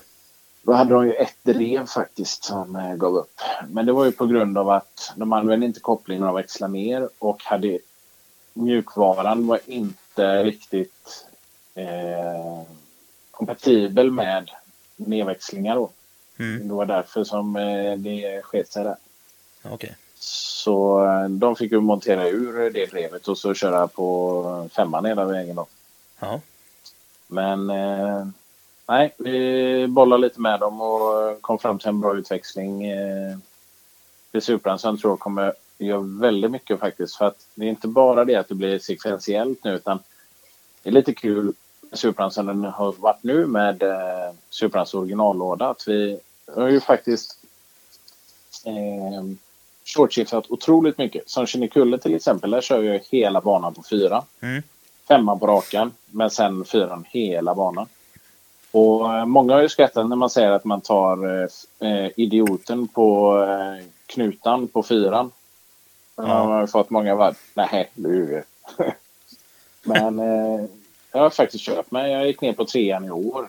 Eh, det funkar lite bättre, gjorde det. Men eh, du fick en växling till precis innan eh, vänstern där. Ja, Vilket gjorde att det var lite, lite bökigt ändå på trean. Så att jag tror... När jag kollade loggorna så var det liksom en tia dit och en tia dit. Så det var liksom inte någon jättevinst i det. Nej. Bara Eh, belastningen är mer. Ja, och du, du öppnar ju upp för är ett möjligt misstag. Ja, För precis. det är, no det är någonting som jag känt som kanske är min absolut svagaste grej. Fast jag har ju lite med att jag är rädd för att sakerna ska gå sönder. Men jag växlar inte sådär jättefort. Mina växlingar ligger på 06 till 08. Det är Ja. inte fort. Nej, men det syns rätt tydligt i de här, alltså när man ser inkvarfilmerna från, eh, från tävlingarna. Det Ja, växlar snällt och fint varje gång, men skiten håller ju också. ja precis. Och det, har man inte pengar så kan man inte spela det spelet känns det lite som. Så Nej, att, lite så. eh, Och den där dyran så- då, den, där- den här lådan du åker är ju rätt så dyr med. Ja, alltså du får bra betalt för dem idag. Mellan 25 35 000 för dem. Så, att, Mm. så det är ju fina lådor. Mm. Och vill man då ha en eh, ännu finare träckare låda, som nu då, en Quife-låda. Mm. Så känns det ju, kan det ju vara väldigt bra om man får de där 25-35 i startkapital. Ja, precis. Då behövs det bara en 70-80 tusen till så är det klart. Precis. Perfekt. Så det, och där, ja, med halvtaskigt jobb tänkte jag säga, men knegarlön och så, så är det ju otroligt mycket pengar. Ja, det är- men eh, Det är därför jag, Jag ska- inte har någon. Ja, Ja. Det, de pengarna finns inte. Jag kan ju skatta mig otroligt lycklig att jag tror jag har världens bästa sponsorer. Eh, För det här projektet var lite... Jag ringde till eh, Street Performance som har varit med jättelänge på bilen. Mm. Och eh, ringde även Torbjörn på Sea Beach eh, slash eh, Raiski. Mm. Och Knader och Andreas. Och presenterade det här då att fan, jag har tänkt så här. Och nu jävlar liksom. Eh, vill ni vara med? Och eh, Nader Andreas eh, som ändå så hade kört med Quifen och visste vad det handlade om. Eh, så ja, ja.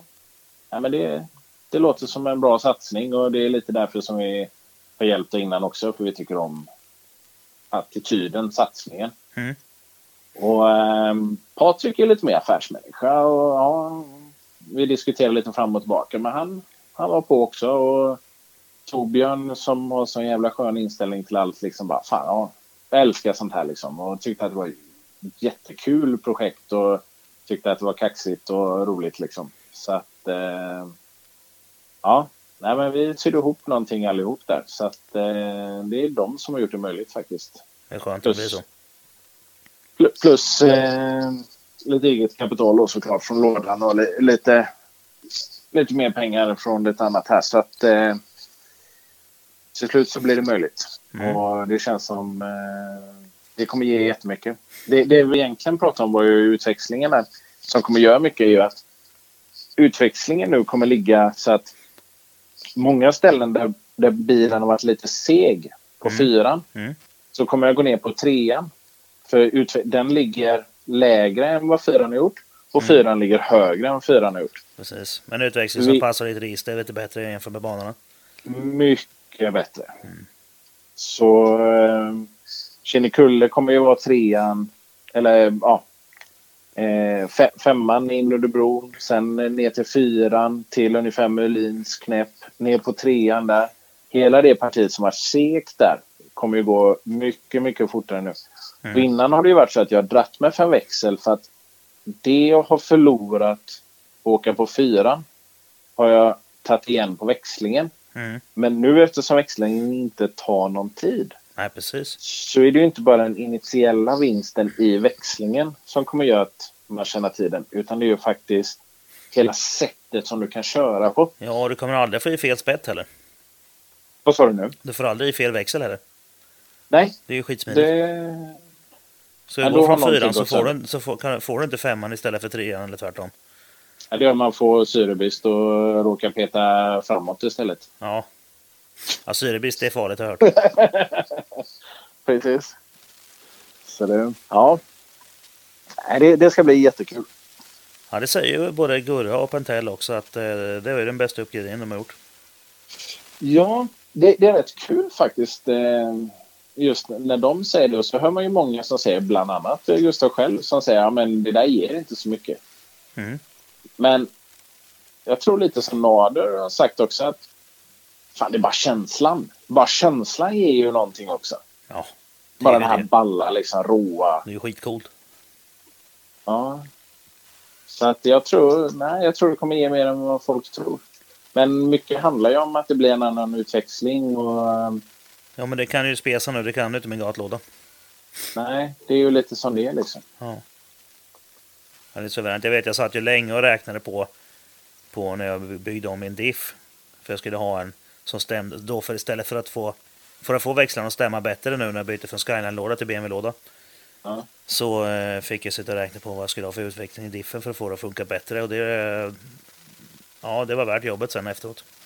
Ja. Det var skönt. Nej, men eh, alltså det är svårt att ändra när man väl har, eller det är dyrt att ändra Ja, när man väl har dragit igång något. jo, så är det.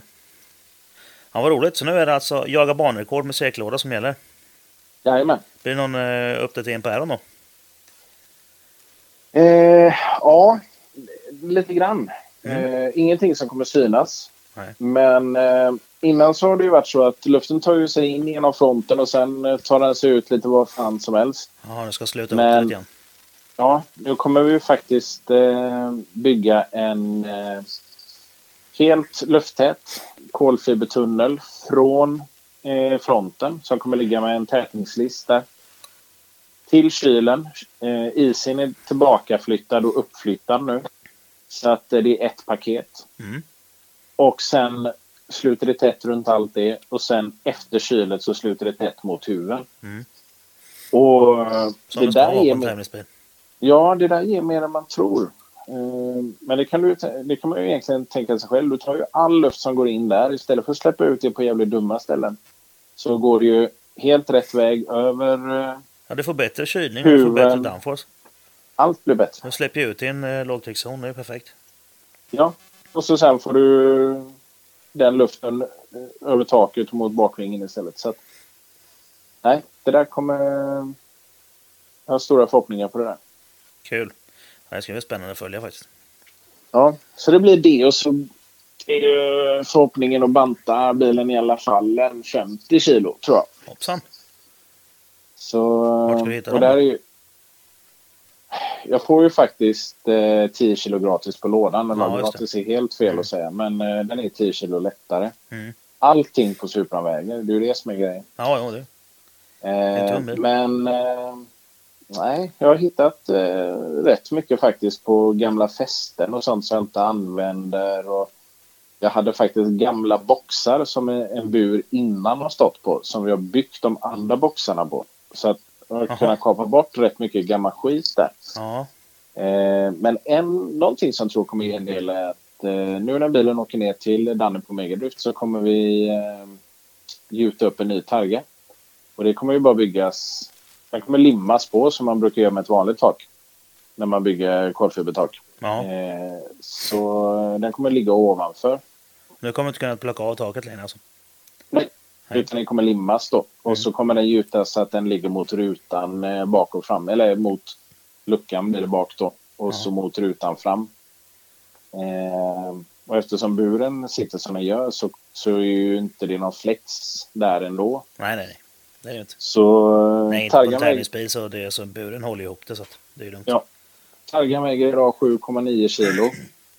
Oj. Och, Ja, det är klart. eh, jag, tror, jag tror vi kan få ner... Eh, Kolfibertaket får ju ner till 2-3 kilo bara. Ja, ett kilo tror du Danne? Ja, det, ja, ja, ja, för fan. Det är klart det blir ett kilo. Det där är ju så tunt och så litet. Det är, vad är det, en kvadrat högst? Ja, det är inte stort alls. Nej. Vad Vad roligt. kan det vara? Ja, en kvadrat kanske. Så att, ja, säg 50 kilo och så eh, säcklåda och så lite bättre aerodynamik och eh, en helt annan inställning. Ja. Låter som ett bra recept kanske. ja, det tycker jag. Det kommer nog kanske ner lite tidigare. Ja, Ska vi gå Ja, på lite frågor? det kan vi. David Pettersson börjar med att säga fet bil. Ja. Var det en fråga? Nej då, han bara svarar. Första frågan kommer från Micke. Ja. Mikael Jasinski. 1. Kan han gå igenom vilka varvrekord han har? Han säger att han ska slå i år. Och vilka som har dem nu. 2. Hur kommer det sig att Supra är så underskattat som plattform att bygga racebil på? Och nummer 3. Kan han ta upp några av de konstigaste frågorna han har fått som medverkande och ansvarig i tekniska regelgrupper runt Time Attack? Så börjar med ettan då. Vilka varvrekord Ja. ska du ta och eh, vilka är det som har dem? Ja, då tar vi alla och så tar vi eh, Kinnekulle. Där har vi eh, eh, Gurra. Mm. Eh, vi har en sekund ner dit. Mm. Eh, fullt möjligt eh, och realistiskt ska gå. Mm. Absolut. Mm. Tajtare blir det på eh, eh, Mantorp. Där tror jag vi har en och en halv sekund. Eller kanske mer ner. En 19,4 har jag kört och vad är det han har kört? En 18, Ja, 7 kanske. Ja, 18, 7. vad tror jag? Jag tror det var det. Ja, jag har för mig att det är typ en och en halv sekund. Det kan Mm. faktiskt bli svårare tror jag. Eh, men eh, vad fan, det ska gå. Det, det klarar vi också. Det är bara att. Sen, har, sen är ju lite Karlskoga då. Ja. Där har ju jag rekordet på den sträckan som är nu. Eftersom jag vann i år. Ja, just det. På den nya sträckan ja. Ja, så där Ja, är just ju det. För det, gamla, har- det gamla rekordet kan...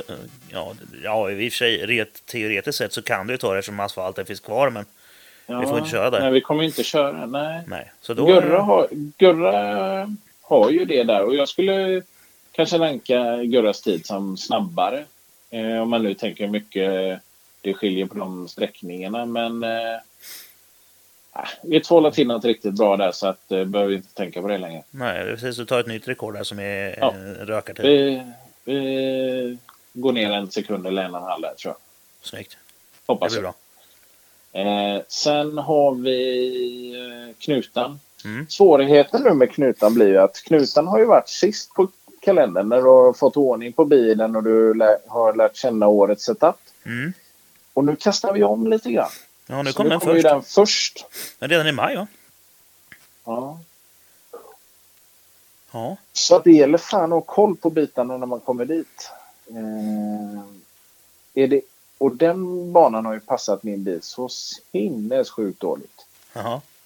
Det är ingenting som stämmer på den banan. Men ja, lite ljuset i tunneln var faktiskt sista varvet eh, i år. Som faktiskt... Det var lite så... Eh, autogruppen låg ju före mig där. Med typ en och en halv sekund. Och de eh, hade ju kört snabbare än vad mitt personbästa var där. Och eh, så frågade jag då, men ska jag sluta köra? Nej men vad fan, eh, Birgersson är rätt nära dig. Ja, ja. Nej, jag tvålade till med någon tid då. Så jag drog på. Och så slog jag ju autogruppen med en tidsondel tror jag. Vilket gjorde att de kom trea i serien istället för tvåa. Så det var ju Det väldigt, ol- väldigt olyckligt. Men det var fair. Ja. så att, eh, ja. Men eh, även om det gick fort just det varvet där så tror jag att jag kan kapa en hel del där. Men att komma åt dem nästan en blank som Filip har där. Mm. Den tror jag blir svårast. Helt klart. Dels för att det ligger först på kalendern och för att det passar bilen så otroligt dåligt. Ja. Så, Vi får se. eh, ja, det är den jag har minst eh, förhoppning om. Men vad fan det ska gå. Så vi säger att vi klarar av det också. Det tycker jag. Så ja. Ja, ja. Hur kommer det sig att Supern är så underskattad som plattform att bygga racebil på? Det är så tung bil. Ja. Det är det det handlar om. Den är tung. Ja, alla vet att den är Eh, tung. ja, det var ju det jag fick höra, kommer jag ihåg, första gången jag sa fan jag ska bygga lite barnbilar. Ja, men fan, den är tung. kommer inte gå att köra fort på den. Nej, men jag siktar på att köra under en 30 på Mantorp. Ja, då fick man ju bara ett asgarv liksom. Jaha, skyller själv. Ja. Jag tror jag körde 1.25 när jag åkte dit första gången. Ja. Så då garvar jag. Ja. ja, men hur många är det som har kört, som, som kör fort med Supran förutom du då? Alltså barnkörning är det inte många. Wiglin eh, hade ganska bra eh, fart i sin röda eh, modsport. Eh, Whiffbits i England kör någorlunda snabbt och Twins Turbo i USA har en som går bra. Eh, finns nå- någon i England. Finns några stycken men det är, nej, det är, inte så många ofta. som bygger på dem alltså. Nej, det är Nej. inget givet val liksom. Ja, det är vanligare med Evos och Skylines och sånt där. Oh ja. Mycket lättare bilar att bygga på på det sättet. Det är ju dubbel bemärkelse. Ja. Ja. Eh, kan jag ta upp några av de konstigaste frågorna fått som eh, medverkande och ansvarig i tekniska regelgruppen runt Time Attack? Här måste det finnas någonting gul, tänker jag. Ja, alltså det är ju lite taskigt kanske att lägga ut vad folk har Ja, frågat inte, och så. du Alltså, behöver inte nämna några namn, men då, några sköna frågor. nej, vi har ju då eh, Peter Göransson från Varberg som frågar. Nej, jag skojar. nej, men nej. det finns inte faktiskt så mycket roligt där. Eh, jag får jättemånga frågor som är ungefär så här. Jag har gjort skitmycket med min Nissan 200. Vilken klass eh, kan jag köra i? Ja, den är kul att få Och, ja, jag får sådana rätt ofta faktiskt. Sen, sen får jag de här som är tvärtom också. De är väldigt ambitiö, amb, ambitiösa.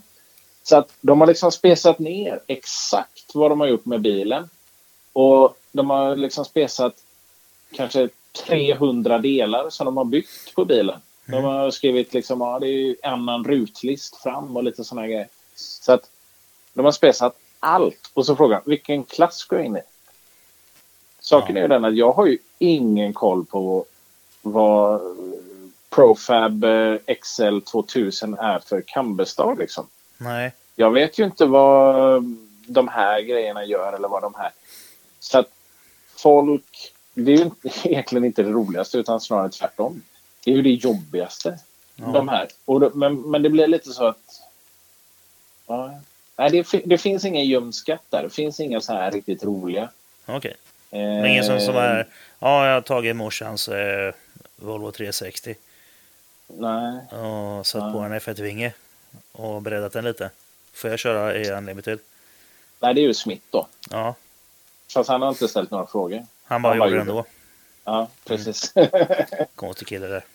ja. Nej, nej, men då får vi väl låta den vara där då. ja, det tycker jag. Tommy Stolpen Mattiasson frågar det bästa och sämsta med bil och förare. Ja, sämsta som förare är att jag inte kör så mycket. Bästa är att jag klarar mig rätt bra ändå. Eh, Bra svar. Ja. Sämsta, bästa med bilen. Bi- Alltså tyngden på bilen. Men det, det är också så- sånt som går hand i hand då. Alltså tyngden på bilen är det sämsta. Mm. Men tyngden ligger på rätt saker. Alltså motor, låda, drivlina. Det är det som väger så jävla mycket på bilen. Så att det är ju ändå så bra att det väger. Så att det blir svaret där egentligen. Ja, så det är både, tyngden är både det bästa och det sämsta. Okej, det sämsta är att den väger mycket, men det bästa är att grejerna som är viktiga är tunga och stabila. Precis. Tyngden på dalskidan älskling. Ja. Mattias Jönsson. Eh, Supra är ju erkänt tunga. För och nackdelar om det. Och vad väger din?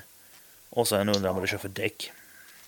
Ja, där har vi ju nästan gått igenom det där. Eh, men eh, den väger 1399. Så um, alla som är snabba i matten kan ju, eh, kan ju räkna ut då att målet ligger på 1350 ungefär. Ja, Eller 1349 då. Eh, så vi får se om vi når dit. Men eh, ja, sen som alla andra som åker fort så är det ju eh, eh, Hancock TD221C7. Mm. C7 är ju mjukheten eller hårdheten på däcket då. Mm. 295 18 tums. Vad är det? 30 profil kanske? Ja, det- Kan vara. det är de som alla kör på som kör fort. Ja, Det är de bästa, så enkelt är det ju. ja så är det bara. Martin Söderberg undrar vad förväntar du dig för vinst med nya ryck och trycklådan, tidsbesparing, köregenskaper och liknande? Eh, Ja, det det har igenom vi också gått igenom. Ja, Ja. det är väl eh, vikt och sen eh, att det är fränt såklart, men sen det här med Utveck, utväxlingen och att man inte missar någonting på att eh, kugga ner och ta en extra lågväxel. Alltså. Nej. Det är hela det där. Så, Och sen var han lite Den är- förslö här på att fråga bästa respektive sämsta med bil och förare, för den har vi redan fått. ja, Han är så snabb den här. Martin Söderberg är faktiskt inte så snabb överhuvudtaget. det är så. Det är så. Nej, han, han ska ju försöka köra time attack, men det, det kommer inte bli någonting med det. Alltså. det är, han är, han Sen är det snabb. faktiskt en fördel med lådan. Eh, det är ju att eh, kommer ju köra... Jag har ju monterat eh, eh, ett nytt pedalställ i bilen. Mm. Och det har jag monterat väldigt långt till vänster. Så att eh, kommer ju köra med eh, vänsterbroms. Ja, Vilket gör att du inte får någon transaktionstid mellan gas och broms. Utan du kan eh, stort sett ha noll mellan det. Mm. Eh, och du kan även ligga och lite, bromsa upp den lite grann om du får under... Ah, det, du kan reglera paketerna. nästan. Ja, precis. Ja, men där, där springer det på lite grann med eh, tiondelar också ju.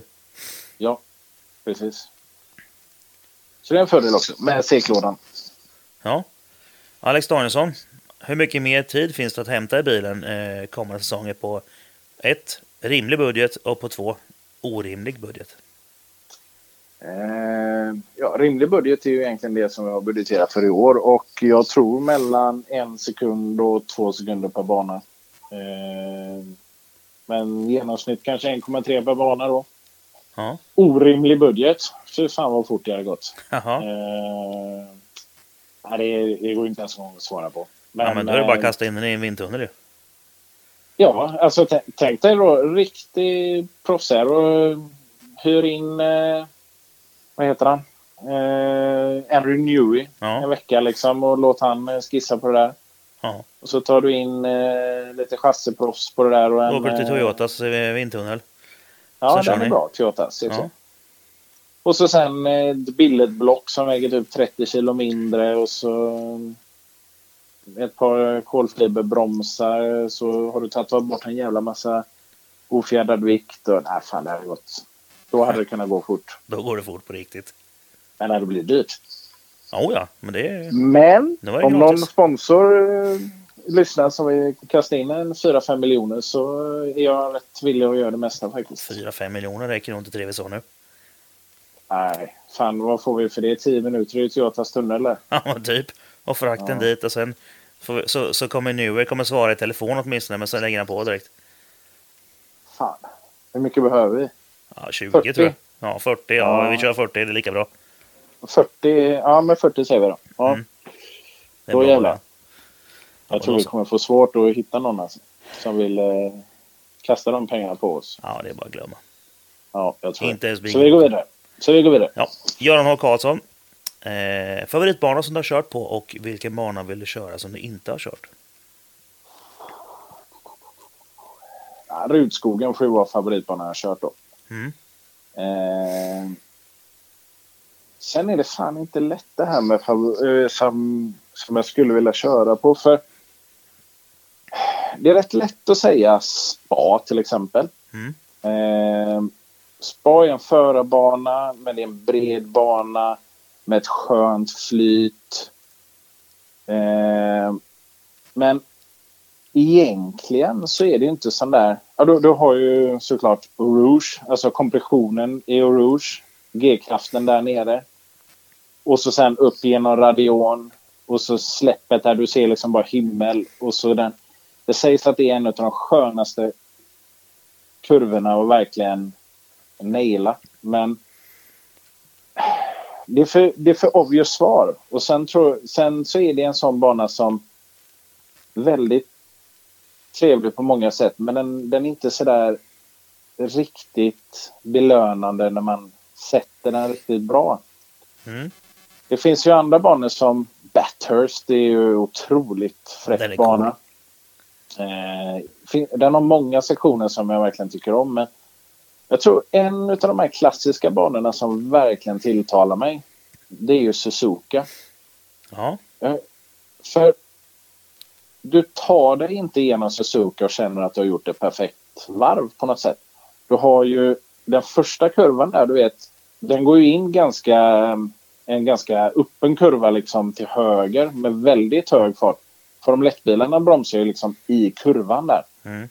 Väldigt svår att få till bra. Sen har du ett otroligt fint parti med bra flyt. Sen, sen, men sen kommer det som jag tycker är roligt med Suzuka.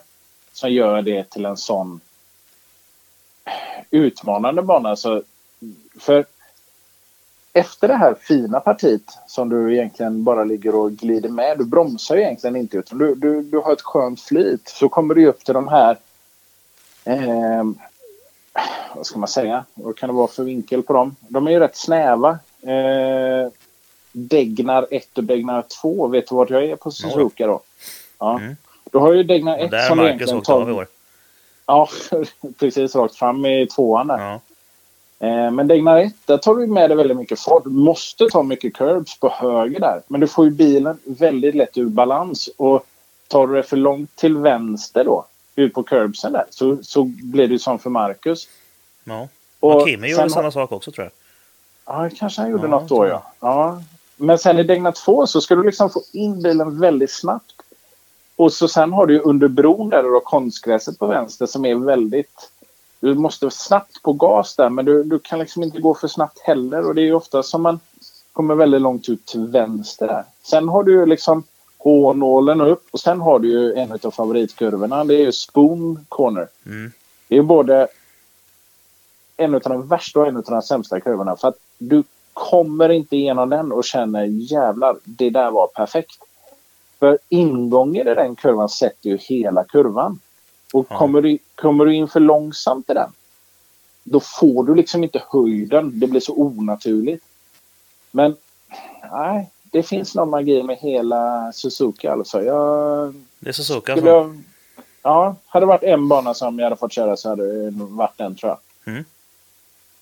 Jo, Ja, men då så Alexander eh, Karlberg Veritas frågar Vad upplever du eh, bara den bästa modifikationen på Supran?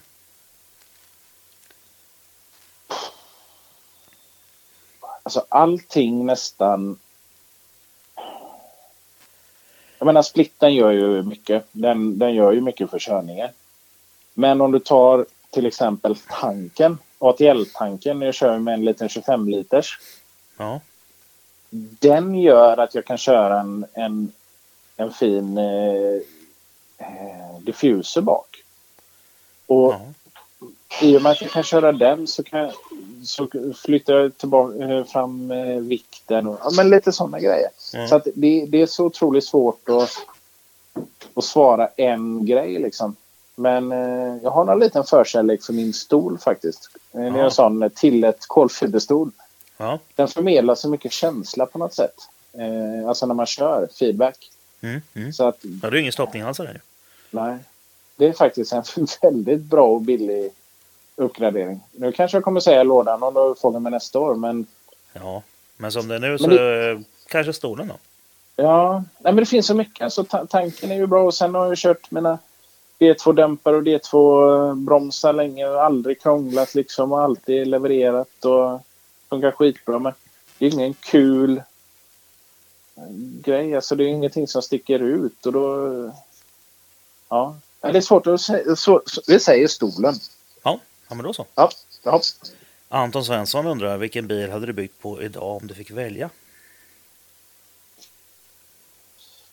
ja, alltså det där är ju inte... Nej, jag bygger vidare på Supran då. Mm. Ja, ja men då så. Då får du det. För det finns inte pengar till annat. så det blir lätt så. Ja, jo, nej, men om du hade fått välja en bil idag. Vilken som helst liksom. Vilken hade har du valt varit, ja, jag har varit lite svag för... Eh, jag skulle vilja bygga något riktigt ball på en NS6 faktiskt. då? Ja, De är riktigt coola och eh, gillar hur de ser ut när de får lite air och lite så. Tänk dig en gammal sån eh, eh, GT500 liksom. mm. Och de är ju svincoola faktiskt. Ja. Nackdel med, med dem är ju fördel att motorn sitter i mitten. Men också en nackdel att du inte kan gå upp med bra diffuser och få ett golv som funkar bra. Det är ju nackdelen då. Ja. ja, men den är så Men, jävla eh, lång bakom bakhjulen så det är nog inga problem. va? Ja. Nej, det hade varit apballt att bygga på en sån. Mm. Den är lite dyr inköp den.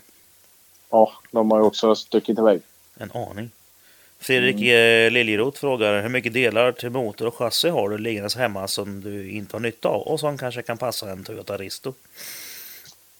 Eh, Eh, det var ju ingen inte. eh, ledande fråga. eh, nej, jag säger inte så mycket. För att få in pengar och få bygga vidare så säljer man allt. Så att, eh, Men jag har en knäckt kam. Har jag. Den kan Ja. du få billigt. Bra där. Ja. Ja, då så. Gustav Burström undrar drömbil i time attack-utförande och hur skulle specen se ut? Alltså ta en, eh, ta en NS6 då. Men tänk dig en NS6 och så eh, med ett lätt billedblock och en jävla massa air och fint chassi på den. Det hade Mm. varit kul. Vet inte egentligen om det hade varit bättre att bygga på någon med motorn fram, men det hade varit kul. Det är ingen som har åkt riktigt fort med dem. Det finns Nej. någon eh, i USA som åkte fort några år. Men eh, det hade varit kul att bygga med en sån. Kanske inte det bästa vapnet, men eh, det hade varit riktigt kul. Ja, faktiskt. Det satt just och funderade på det, men man har inte sett eh, några snabba sådana egentligen. Nej, Det finns en i USA som har vunnit några, den Redline eh, Time Attack. Mm. Den är riktigt snabb, men eh, annars eh, finns det inte många. Nej. Henrik Markusson undrar hur driftsäkerheten är och det har vi väl nästan avhandlat. Ja, Sjukt jävla bra helt enkelt. Ja. Ja. Eh, Andreas Harrison. Bästa sak eller aktivitet du har gjort för att utvecklas som förare? Det är ju, eh, eftersom jag kör så lite eh, så är det ju ett måste hålla på med simracingen. Så jag håller på rätt mycket faktiskt med simracing. Mm. Och det ger otroligt mycket. Eh, det är inte det där att du kör någon bil som liknar din eller du kör banorna som man kör på. Det är inte det det handlar om. Utan det handlar om att få in rutin, tänk. ehm, men också muskelminne och konsekvenstänk liksom. Eh, Mm. Och veta hur du, jag menar missar du 10 centimeter i ingången, vad gör du av kurvan då? Alltså lite sådana grejer. Ja. Så det rekommenderar jag till alla. Köra mycket simracing. Om man kör dem bra då. Jag kan rekommendera Seto Corsa, iRacing, mm, ja, Race Room. Det är de som är bra. Project Cars och de här. Nej, det är inte riktigt samma Nej. grej. Och ska ni köra med VR så var försiktiga så ni inte blir i huvudet och får ont i magen. Precis. ja, det var läskigt. Ja, du kom inte långt alltså. Nej, vad Kom fan. du ut ur depån? Nej, Ja, knappt. du, ja, du kanske kom igenom första kurvan. kanske. Ja, men det var det var första kurvan. Det var, för det, det var ju när jag började svänga, alltså vrida huvudet. Ja, Det var då det började bli konstigt för då, då, Ja, ja. då rörde sig i datorn så rörde sig huvudet fram och tillbaka samtidigt som jag vred på det. Ja. Så när jag vred åt vänster så åkte huvudet bakåt. Och det blev Jaha. jättekonstigt alltså. Min mage tyckte inte om det alls. Men sen på slutet på mässan så eh, klippte jag några varv i alla fall. ja, du gjorde det ja. Just det. Ja, Ja. och då vred jag inte så mycket på huvudet. Det funkade bättre då. Nej, Men då Ja. försvinner ju själva grejen. precis. Så det var ju Ja. ja. meningslöst. Ehm, jaha, eh, Fredrik Jonsson. Den coolaste respektive mest onödiga delen på bilen.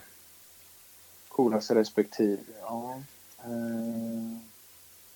coolast får vara motorn alltså. Jag gillar den. Mm. Eh, den onödigaste. fan har jag som är onödigt? Ja, jag vet inte. På en racebil. Det är inte mycket Har som är något, onödigt. har, jag nå- har jag någonting som är onödigt så har det ju faktiskt rykt eh, nu i vinter. Ja. Men... Eh, jag har säkert någonting som är onödigt men jag kan inte komma på vad. Kommer du på vad det är så får du riva bort det direkt. Exakt. Det ska inte vara någonting som är onödigt på den där bilen. Nej, nej. Det är Nej. lite filosofi. Ja, då så. Joel Wallmark, han eh, kort och gott 2 i Z? Frågetecken. Eh, Ja. Ja, ja. ja. Andreas Stålgren. Känslan innan muren på kullen. Och när vi ändå är inne på krascher. Värsta. Och eh, nu har han ju skrivit ihop det här då. Så att, värsta, nu bajar jag i brallan tillfället. Där det ändå gick bra. Respektive skitdåligt. Eh, det roliga är de här Baja Brallan. Eh, de får man när man kollar på film, film efteråt. Det är många gånger som under bron på Kinnekulle bara Fan, hade jag 90 graders vridning på ratten där under? Ja, det märkte jag inte. Nej. Alltså, du, du tänker inte på det. Men när du ser det sen så ser det rätt läskigt ut. Ja. Eh, men jag skulle inte säga att jag haft så många sådana där riktigt... Jo, det får jag nog säga. Jag har haft en förresten. Men om vi, tar, om vi börjar med känslan av Kinnekulle så gick vi igenom det där. Det var liksom oh shit, nu jävlar, vad händer? Det här rår jag inte över. Nej. Och så sen var det då, aha, det här gick ju bra, det här löser jag. Fuck, inget grepp i bakvagnen. Pang, Ja. jävlar. Ja, Fan, det var nu måste jag ungefär, släppa trycket på vänsterhjulet för det hänger löst. Ja, nej men ungefär den känslan skulle jag säga. Men jag tror ju den här riktiga Bayer Brallan måste ju varit på Mittsverigebanan. Eh, när vi var där uppe och körde, det var några år sedan. Och jag laddar på fullt, kommer ner för backen och de har byggt en chikan mitt i backen. Och jag ser att en av Jeppe-tuningbilarna eh, gör bort sig inbromsningen så han går igenom långsamt. Men tänker att han ser mig. Så han kommer ju lägga sig höger såklart i utgången på chikanen. Ja. Så jag tar i. Så jag tar i allt vad jag kan. Men han lägger sig till vänster. Nej. Och, och när du har committat där Ja. och du tar med dig farten ut så är det så här att om jag då går på höger sida om honom då har jag så mycket fart att jag inte kan klara kurvan. Och då har man ju att välja på då. Antingen inte bromsa och köra rakt ut. Du kan ju också välja då att köra ut mot, mot honom och, och träffa honom där. Mhm. Men om du däremot kör och bromsar in och försöker ta kurvan. För det är ju alltså en 290-graders i botten på eh, mittsverigebanan. Mhm. Eh, då kommer jag antagligen torpedera in honom i, rakt i dörren. Och det är ju dumt när han sitter på höger sida. Ja. Så mitt val blir bromsa inte, ta höger. Så jag tror jag smiter precis framför honom. Och eh, diffusen flyger åt helvete och splitten går eh, halvt sönder. Och det var ju kvalet och jag hade ju inte fått någon tid. Så jag åker in i depån, sliter av diffusen, bara rycker av skiten. Och ut och sätter en tid och går till final. Mhm. Och jag tror det var i finalen här, så gör han likadant. Oj! Men det gjorde han inte. Det var ju på den tiden eh, då båda bilarna såg likadana ut. Ja, just det. Jag kommer inte ihåg vem det var, men jag tror det var Ja, det var Paul som första tydligen. gången och Filip andra gången. Ja. Och exakt samma sak. Och då får jag åka ut också. Finns det någon escape där? Kör ut i gräset? Eh, Sandfålla? Ja, jag har åkt ut i Sandfållan båda gångerna. Ja. Kul. Tack så mycket.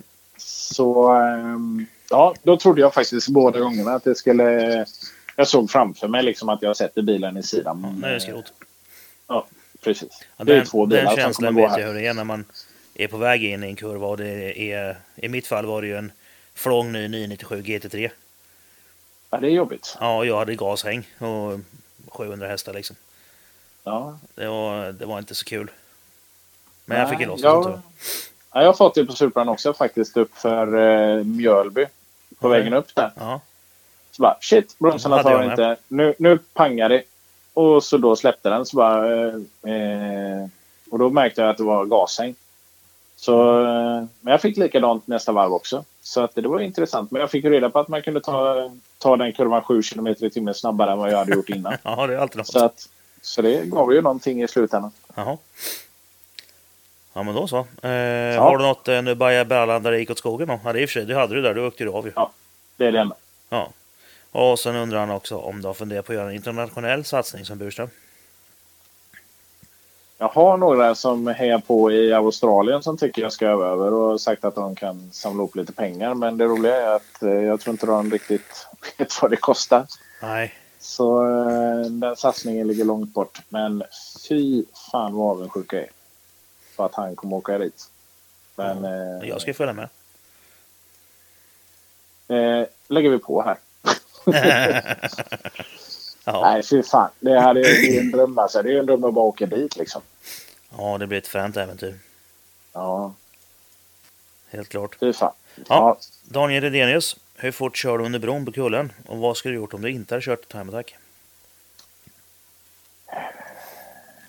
Jag vet faktiskt inte vad jag håller under. Kanske 175-180. Jag vet inte. Eh, inte snabbt nog. Eh, en liten fegis där faktiskt. Kommer mm. försöka köra mycket snabbare. Det är ett ställe jag vet att det går att åka mycket fortare på. Så det är, det är ett ställe som... Men där får det konsekvenser det- också om man kör för fort. Ja, Man vill ju inte lägga sig på taket ute i träsket där. nej. Men eh, nej, fan, där ska jag satsa hårdare nästa år. Men eh, vad var det mer? Eh, under bron och... Och vad skulle du gjort om du inte hade kört time attack? Haft massor med pengar. Ja, haft så jävla massa pengar. Nej, jag hade nog... Alltså jag, jag hade ju aldrig lagt ner racingen. Så att antingen hade jag sysslat med någon annan racing eller så hade jag sysslat med simracingen. Mm. Det jävliga med simracingen är att det tar mer tid än vanlig racing. Okej. För de som är duktiga är så snuskigt duktiga. Så, Spännande. ja. Eh, Jonas Borgård. Skulle han kunna åka fortare med CKC-låda? Ja. Ja. Eh, har det någon större betydelse om man får ett om man har ett 3 kilos svänghjul eller ett som väger 15 kilo? Eh, Ja, Ja, det blir ju betydligt rappare motor om du har ett lättare, så enkelt är det ju. precis. Ja, gasrespons. Eh, hur mycket mental träning krävs för, före varje lopp? Och där har Fredrik Liljeroth flikat in att du kör ingen mental träning. Springer runt i depån och line-up och kommer på jäklar, jag är kvar. Slänger på kläderna, ut på banan, kör två varv och sen väntar på att det ska final. Och lite så är det ju nästan. Ja, däremot så tror jag ju även där att simracing är en eh, jättebra att använda sig av. För att där kan man ju liksom nästan simulera de här att nu måste jag träffa eller nu måste jag ju prestera eller så här. Det blir på något sätt, du vet var din gräns går och du vet hur du ska tänka och sikta liksom. Mm. Men eh, ett annat bra svar på den skulle kunna vara, jag brukar ha inom allt, allting som jag sysslar med så brukar jag ha tre mål. Jag har ett, måste klara mål. Klarar jag inte det så är det nästan så att det är en tvångstanke att man måste göra något pinsamt eller göra någonting.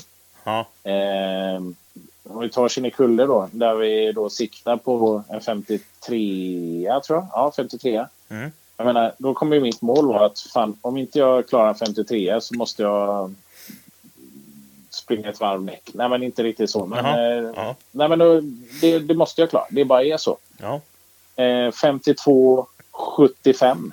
Där, har jag mitt, där är jag nöjd. Sätter jag den tiden så är jag nöjd. Mm. Sen har jag ett drömmål. Det är 51, säger vi. ja, Eh, det, det målet ska egentligen vara... Det ska vara högre än du tror att du kan nå. Men det ska inte vara onåbart. Och du alltid har tre sådana mål. Och det kan du applicera vad som helst. Alltså att innan sommaren så ska jag ha tjänat så här mycket pengar. Eller så här. Eller drömmål på så här mycket pengar. Om du Ja. hela tiden sätter mål för dig själv så har du lättare att prestera. Du kommer aldrig till den nivån. Alltså, normalt sett om du kanske bara har målet på att slå 53. Då är du rätt nöjd när du sätter en 52,9. Det innebär att du blir inte så mycket snabbare än det. nej. Så det, det, det är lite mentalt spel man kan köra med sig själv som jag rekommenderar folk att verkligen anamma. Det, Det där var något, ett, ett jävligt bra svar på den frågan tror jag. Ja. Eh, vi ska se här att eh, Alex har ju lagt till lite här under sen. Frågan är dock extra relevant och förberedelser sker innan helgen och inte nödvändigtvis, nödvändigtvis behöver vara eh, just förberedelser alla gånger utan kanske även som vad som råkar hända innan racen. Och det är så, ja, det händer ju skit hela tiden, så är det ju. Ja, ja, men så är det. Och sen kan ju alltså mål och sånt ändras beroende på vad som händer. Mm. Så eh, ja. Ja, här kommer Johan Hanssons fråga. Om du en dag gick ut i garaget och bilen var borta, men på dens plats så stod en säck med pengar motsvarande det du har lagt ut. Skulle du då bygga en till Supra eller vad hade du byggt istället? Då är ju nästan frågan om man menar omsättningen på bilen eller pengar som det kostar sen den står. För det är ju en jävla skillnad. Nej men, Men, eh, det, alltså, nej, men alla pengar som har gått ut ifrån din plånbok. Men ska vi ta och bygga den där NS6 då? Det tycker jag låter som en kul idé. Ja, det tycker jag också Sen- låter som en kul idé. Sen har jag ju en förkärlek för Supern. Annars hade jag inte hållit på med allting runt om som jag har gjort. Så jag hade tyckt det var kul att börja om på en Supra också. Mm. Eh, men eh, nej, men NS6 hade varit riktigt kul. Ja, Anton, Gud vad, ja, han undrar hur ser framtiden ut för Thermotac? den ser ljus ut. Ja, det tror jag också. Ja. Det, det, det är bara fullt, fullt ös rakt upp. Ja. Dannevik. Nej, men jag tror på det stenhårt. Ja, det tror jag också. Dannevik, vad anser du vara den bäst och mest lönsamma aerodynamiska uppgraderingen på din bil? Och vad bör man som nybörjare verkligen lägga krut på för att utveckla sin bil eh, steg 1, 2, 3 för just time attack? Ja, Danne är ju han på Megadrift där. Han, eh, det var han som har byggt allting så han, han kan ju det där bra. Men eh, alltså, allting handlar om ambition där men eh, alltså en, en splitter och en bra vinge det är dyra grejer men jag tycker ändå så att det är värt att lägga de pengarna. Mm. Det är, det är bra saker. Sen alltså en hus med aerodynamiskt och ett golv. Det börjar bli lite mer avancerat och sådana saker som det är lite svårare att få rätt. Men eh, en bra splitter och en bra vinge ger jättemycket. Ja. Sen då, tre steg eh, om man ska börja bygga. Samma sak där. handlar om ambition och pengar. Vad, vad vill man? Vilken klass vill man köra? Har du ambition att ha kul eller har du ambition att bli snabb?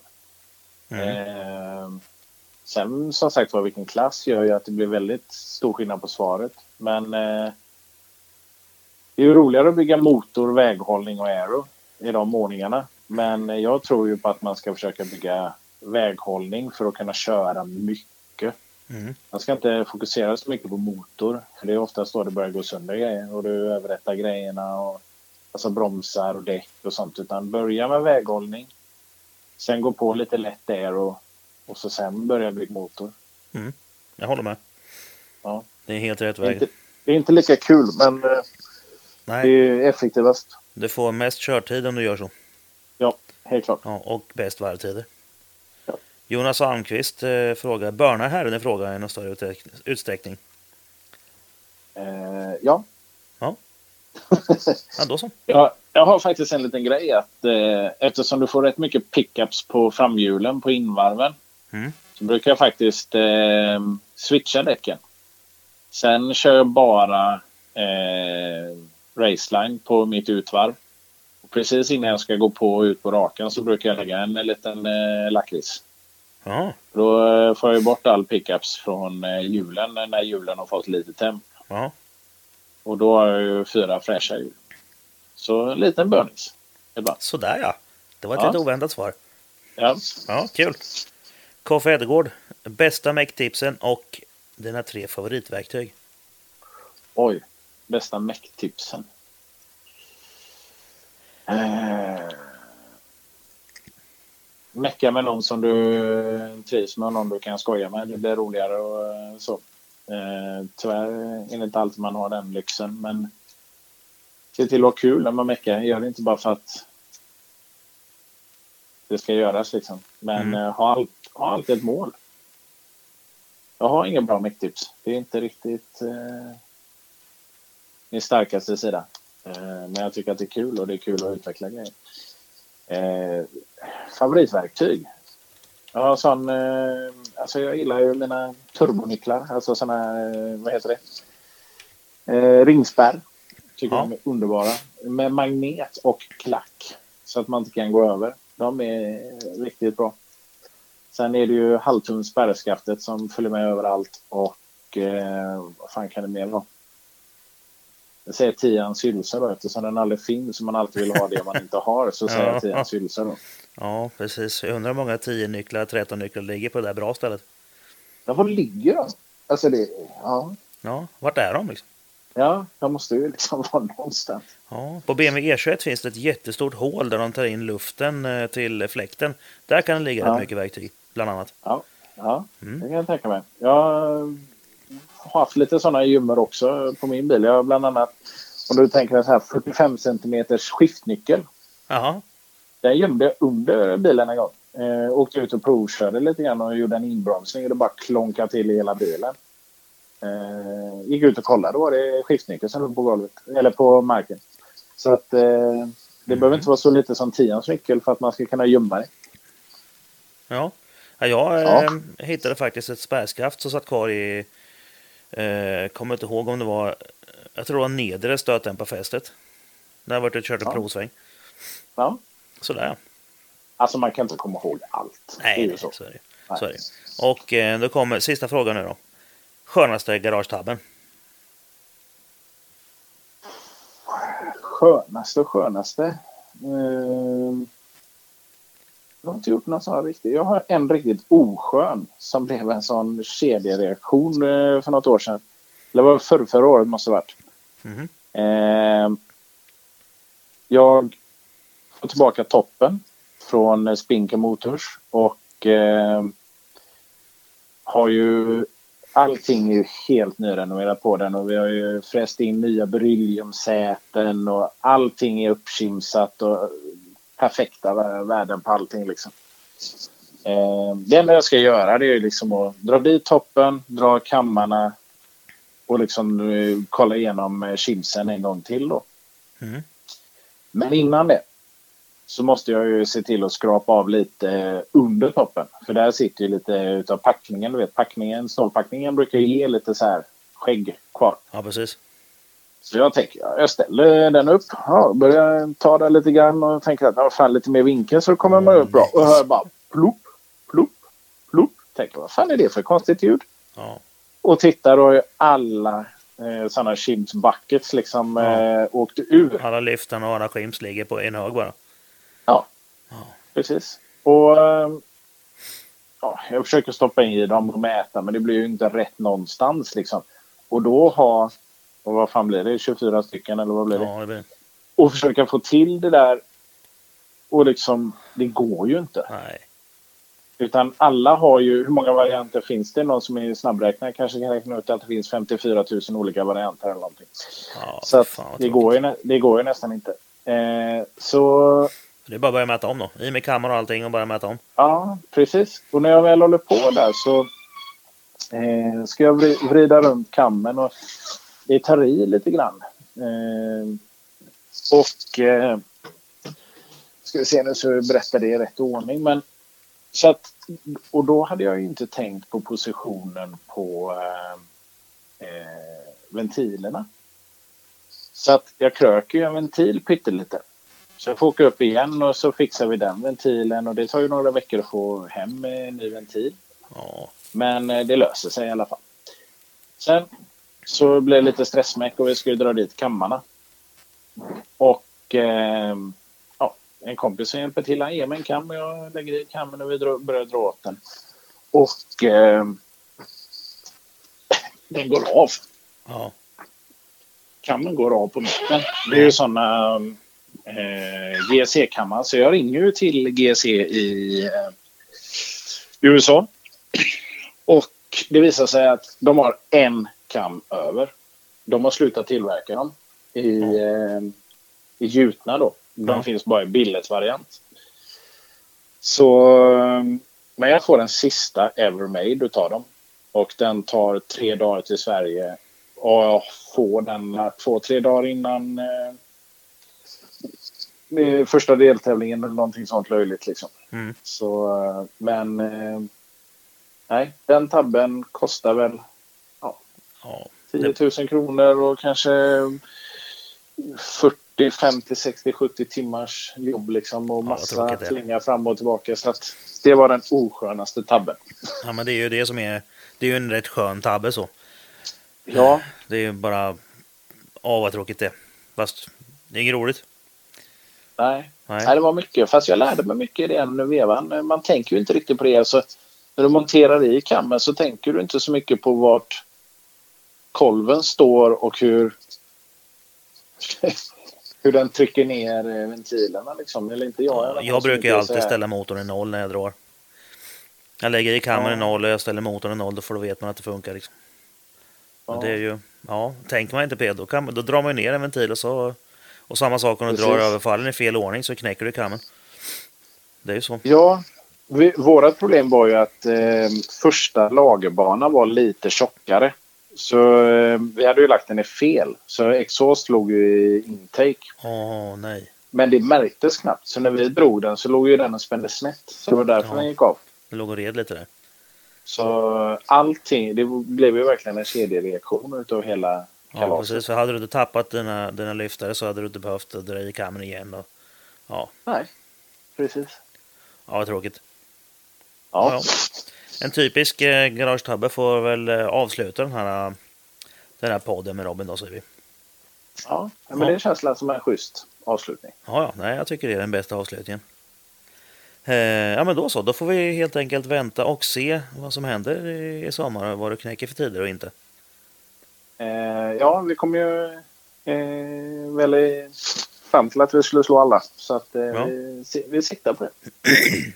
Det tycker jag. Vart ska folk leta upp det här då för att kunna följa upp resultaten? Eh, ja, alltså följ eh, Time Attack nu. Så eh, läggs det alltid upp där. Sen har jag ju min sida. Eh, ja, Facebook. Eh, The Time Attack Super. Den Mm. kan man ju alltid lägga upp där också. Då ska jag lägga en, jag lägger en eh, länk till den i kommentarerna till eh, podden. Gör det. Ja. Sen, sen kan jag faktiskt eh, passa på och få bara göra lite reklam. Men jag har ju precis startat upp mitt företag. Jag höll ju i lite eh, förarcoachningar förra året med Mm. väldigt bra resultat. Ja, Eh, Hammarström bland annat va? Ja, det var ju faktiskt en trevlig historia. Jag hjälpte ju honom efter eh, Kinnekulle. Mm. Och eh, han vann ju hela serien. Så, Och något gjorde väl man, så ska man vara kaxig så kan man ju säga att eh, vill ni vinna i er klass så prata med mig. Ja. Bra så sagt. Att, eh, Bra sagt. Ja. Nej, men så att jag har dragit igång det där nu och kommer att syssla med annat också. Men en av grejerna som eh, jag kommer att syssla med är just förarcoachningen. Då. Mm. Så är man intresserad så är det bara att höra av sig på Facebook där eller ta kontakt på annat sätt. Men eh, nej, Tycker jag låter bra. Ja. Eh, då, eh, ja, då lägger vi ett avslut här och så eh, får folk följa The Time Attack Supra och eh, Time Attack nu och så får vi se vad som händer i sommar. det låter som en bra plan. Tycker jag. Eh, tack för ikväll. Så tack själv.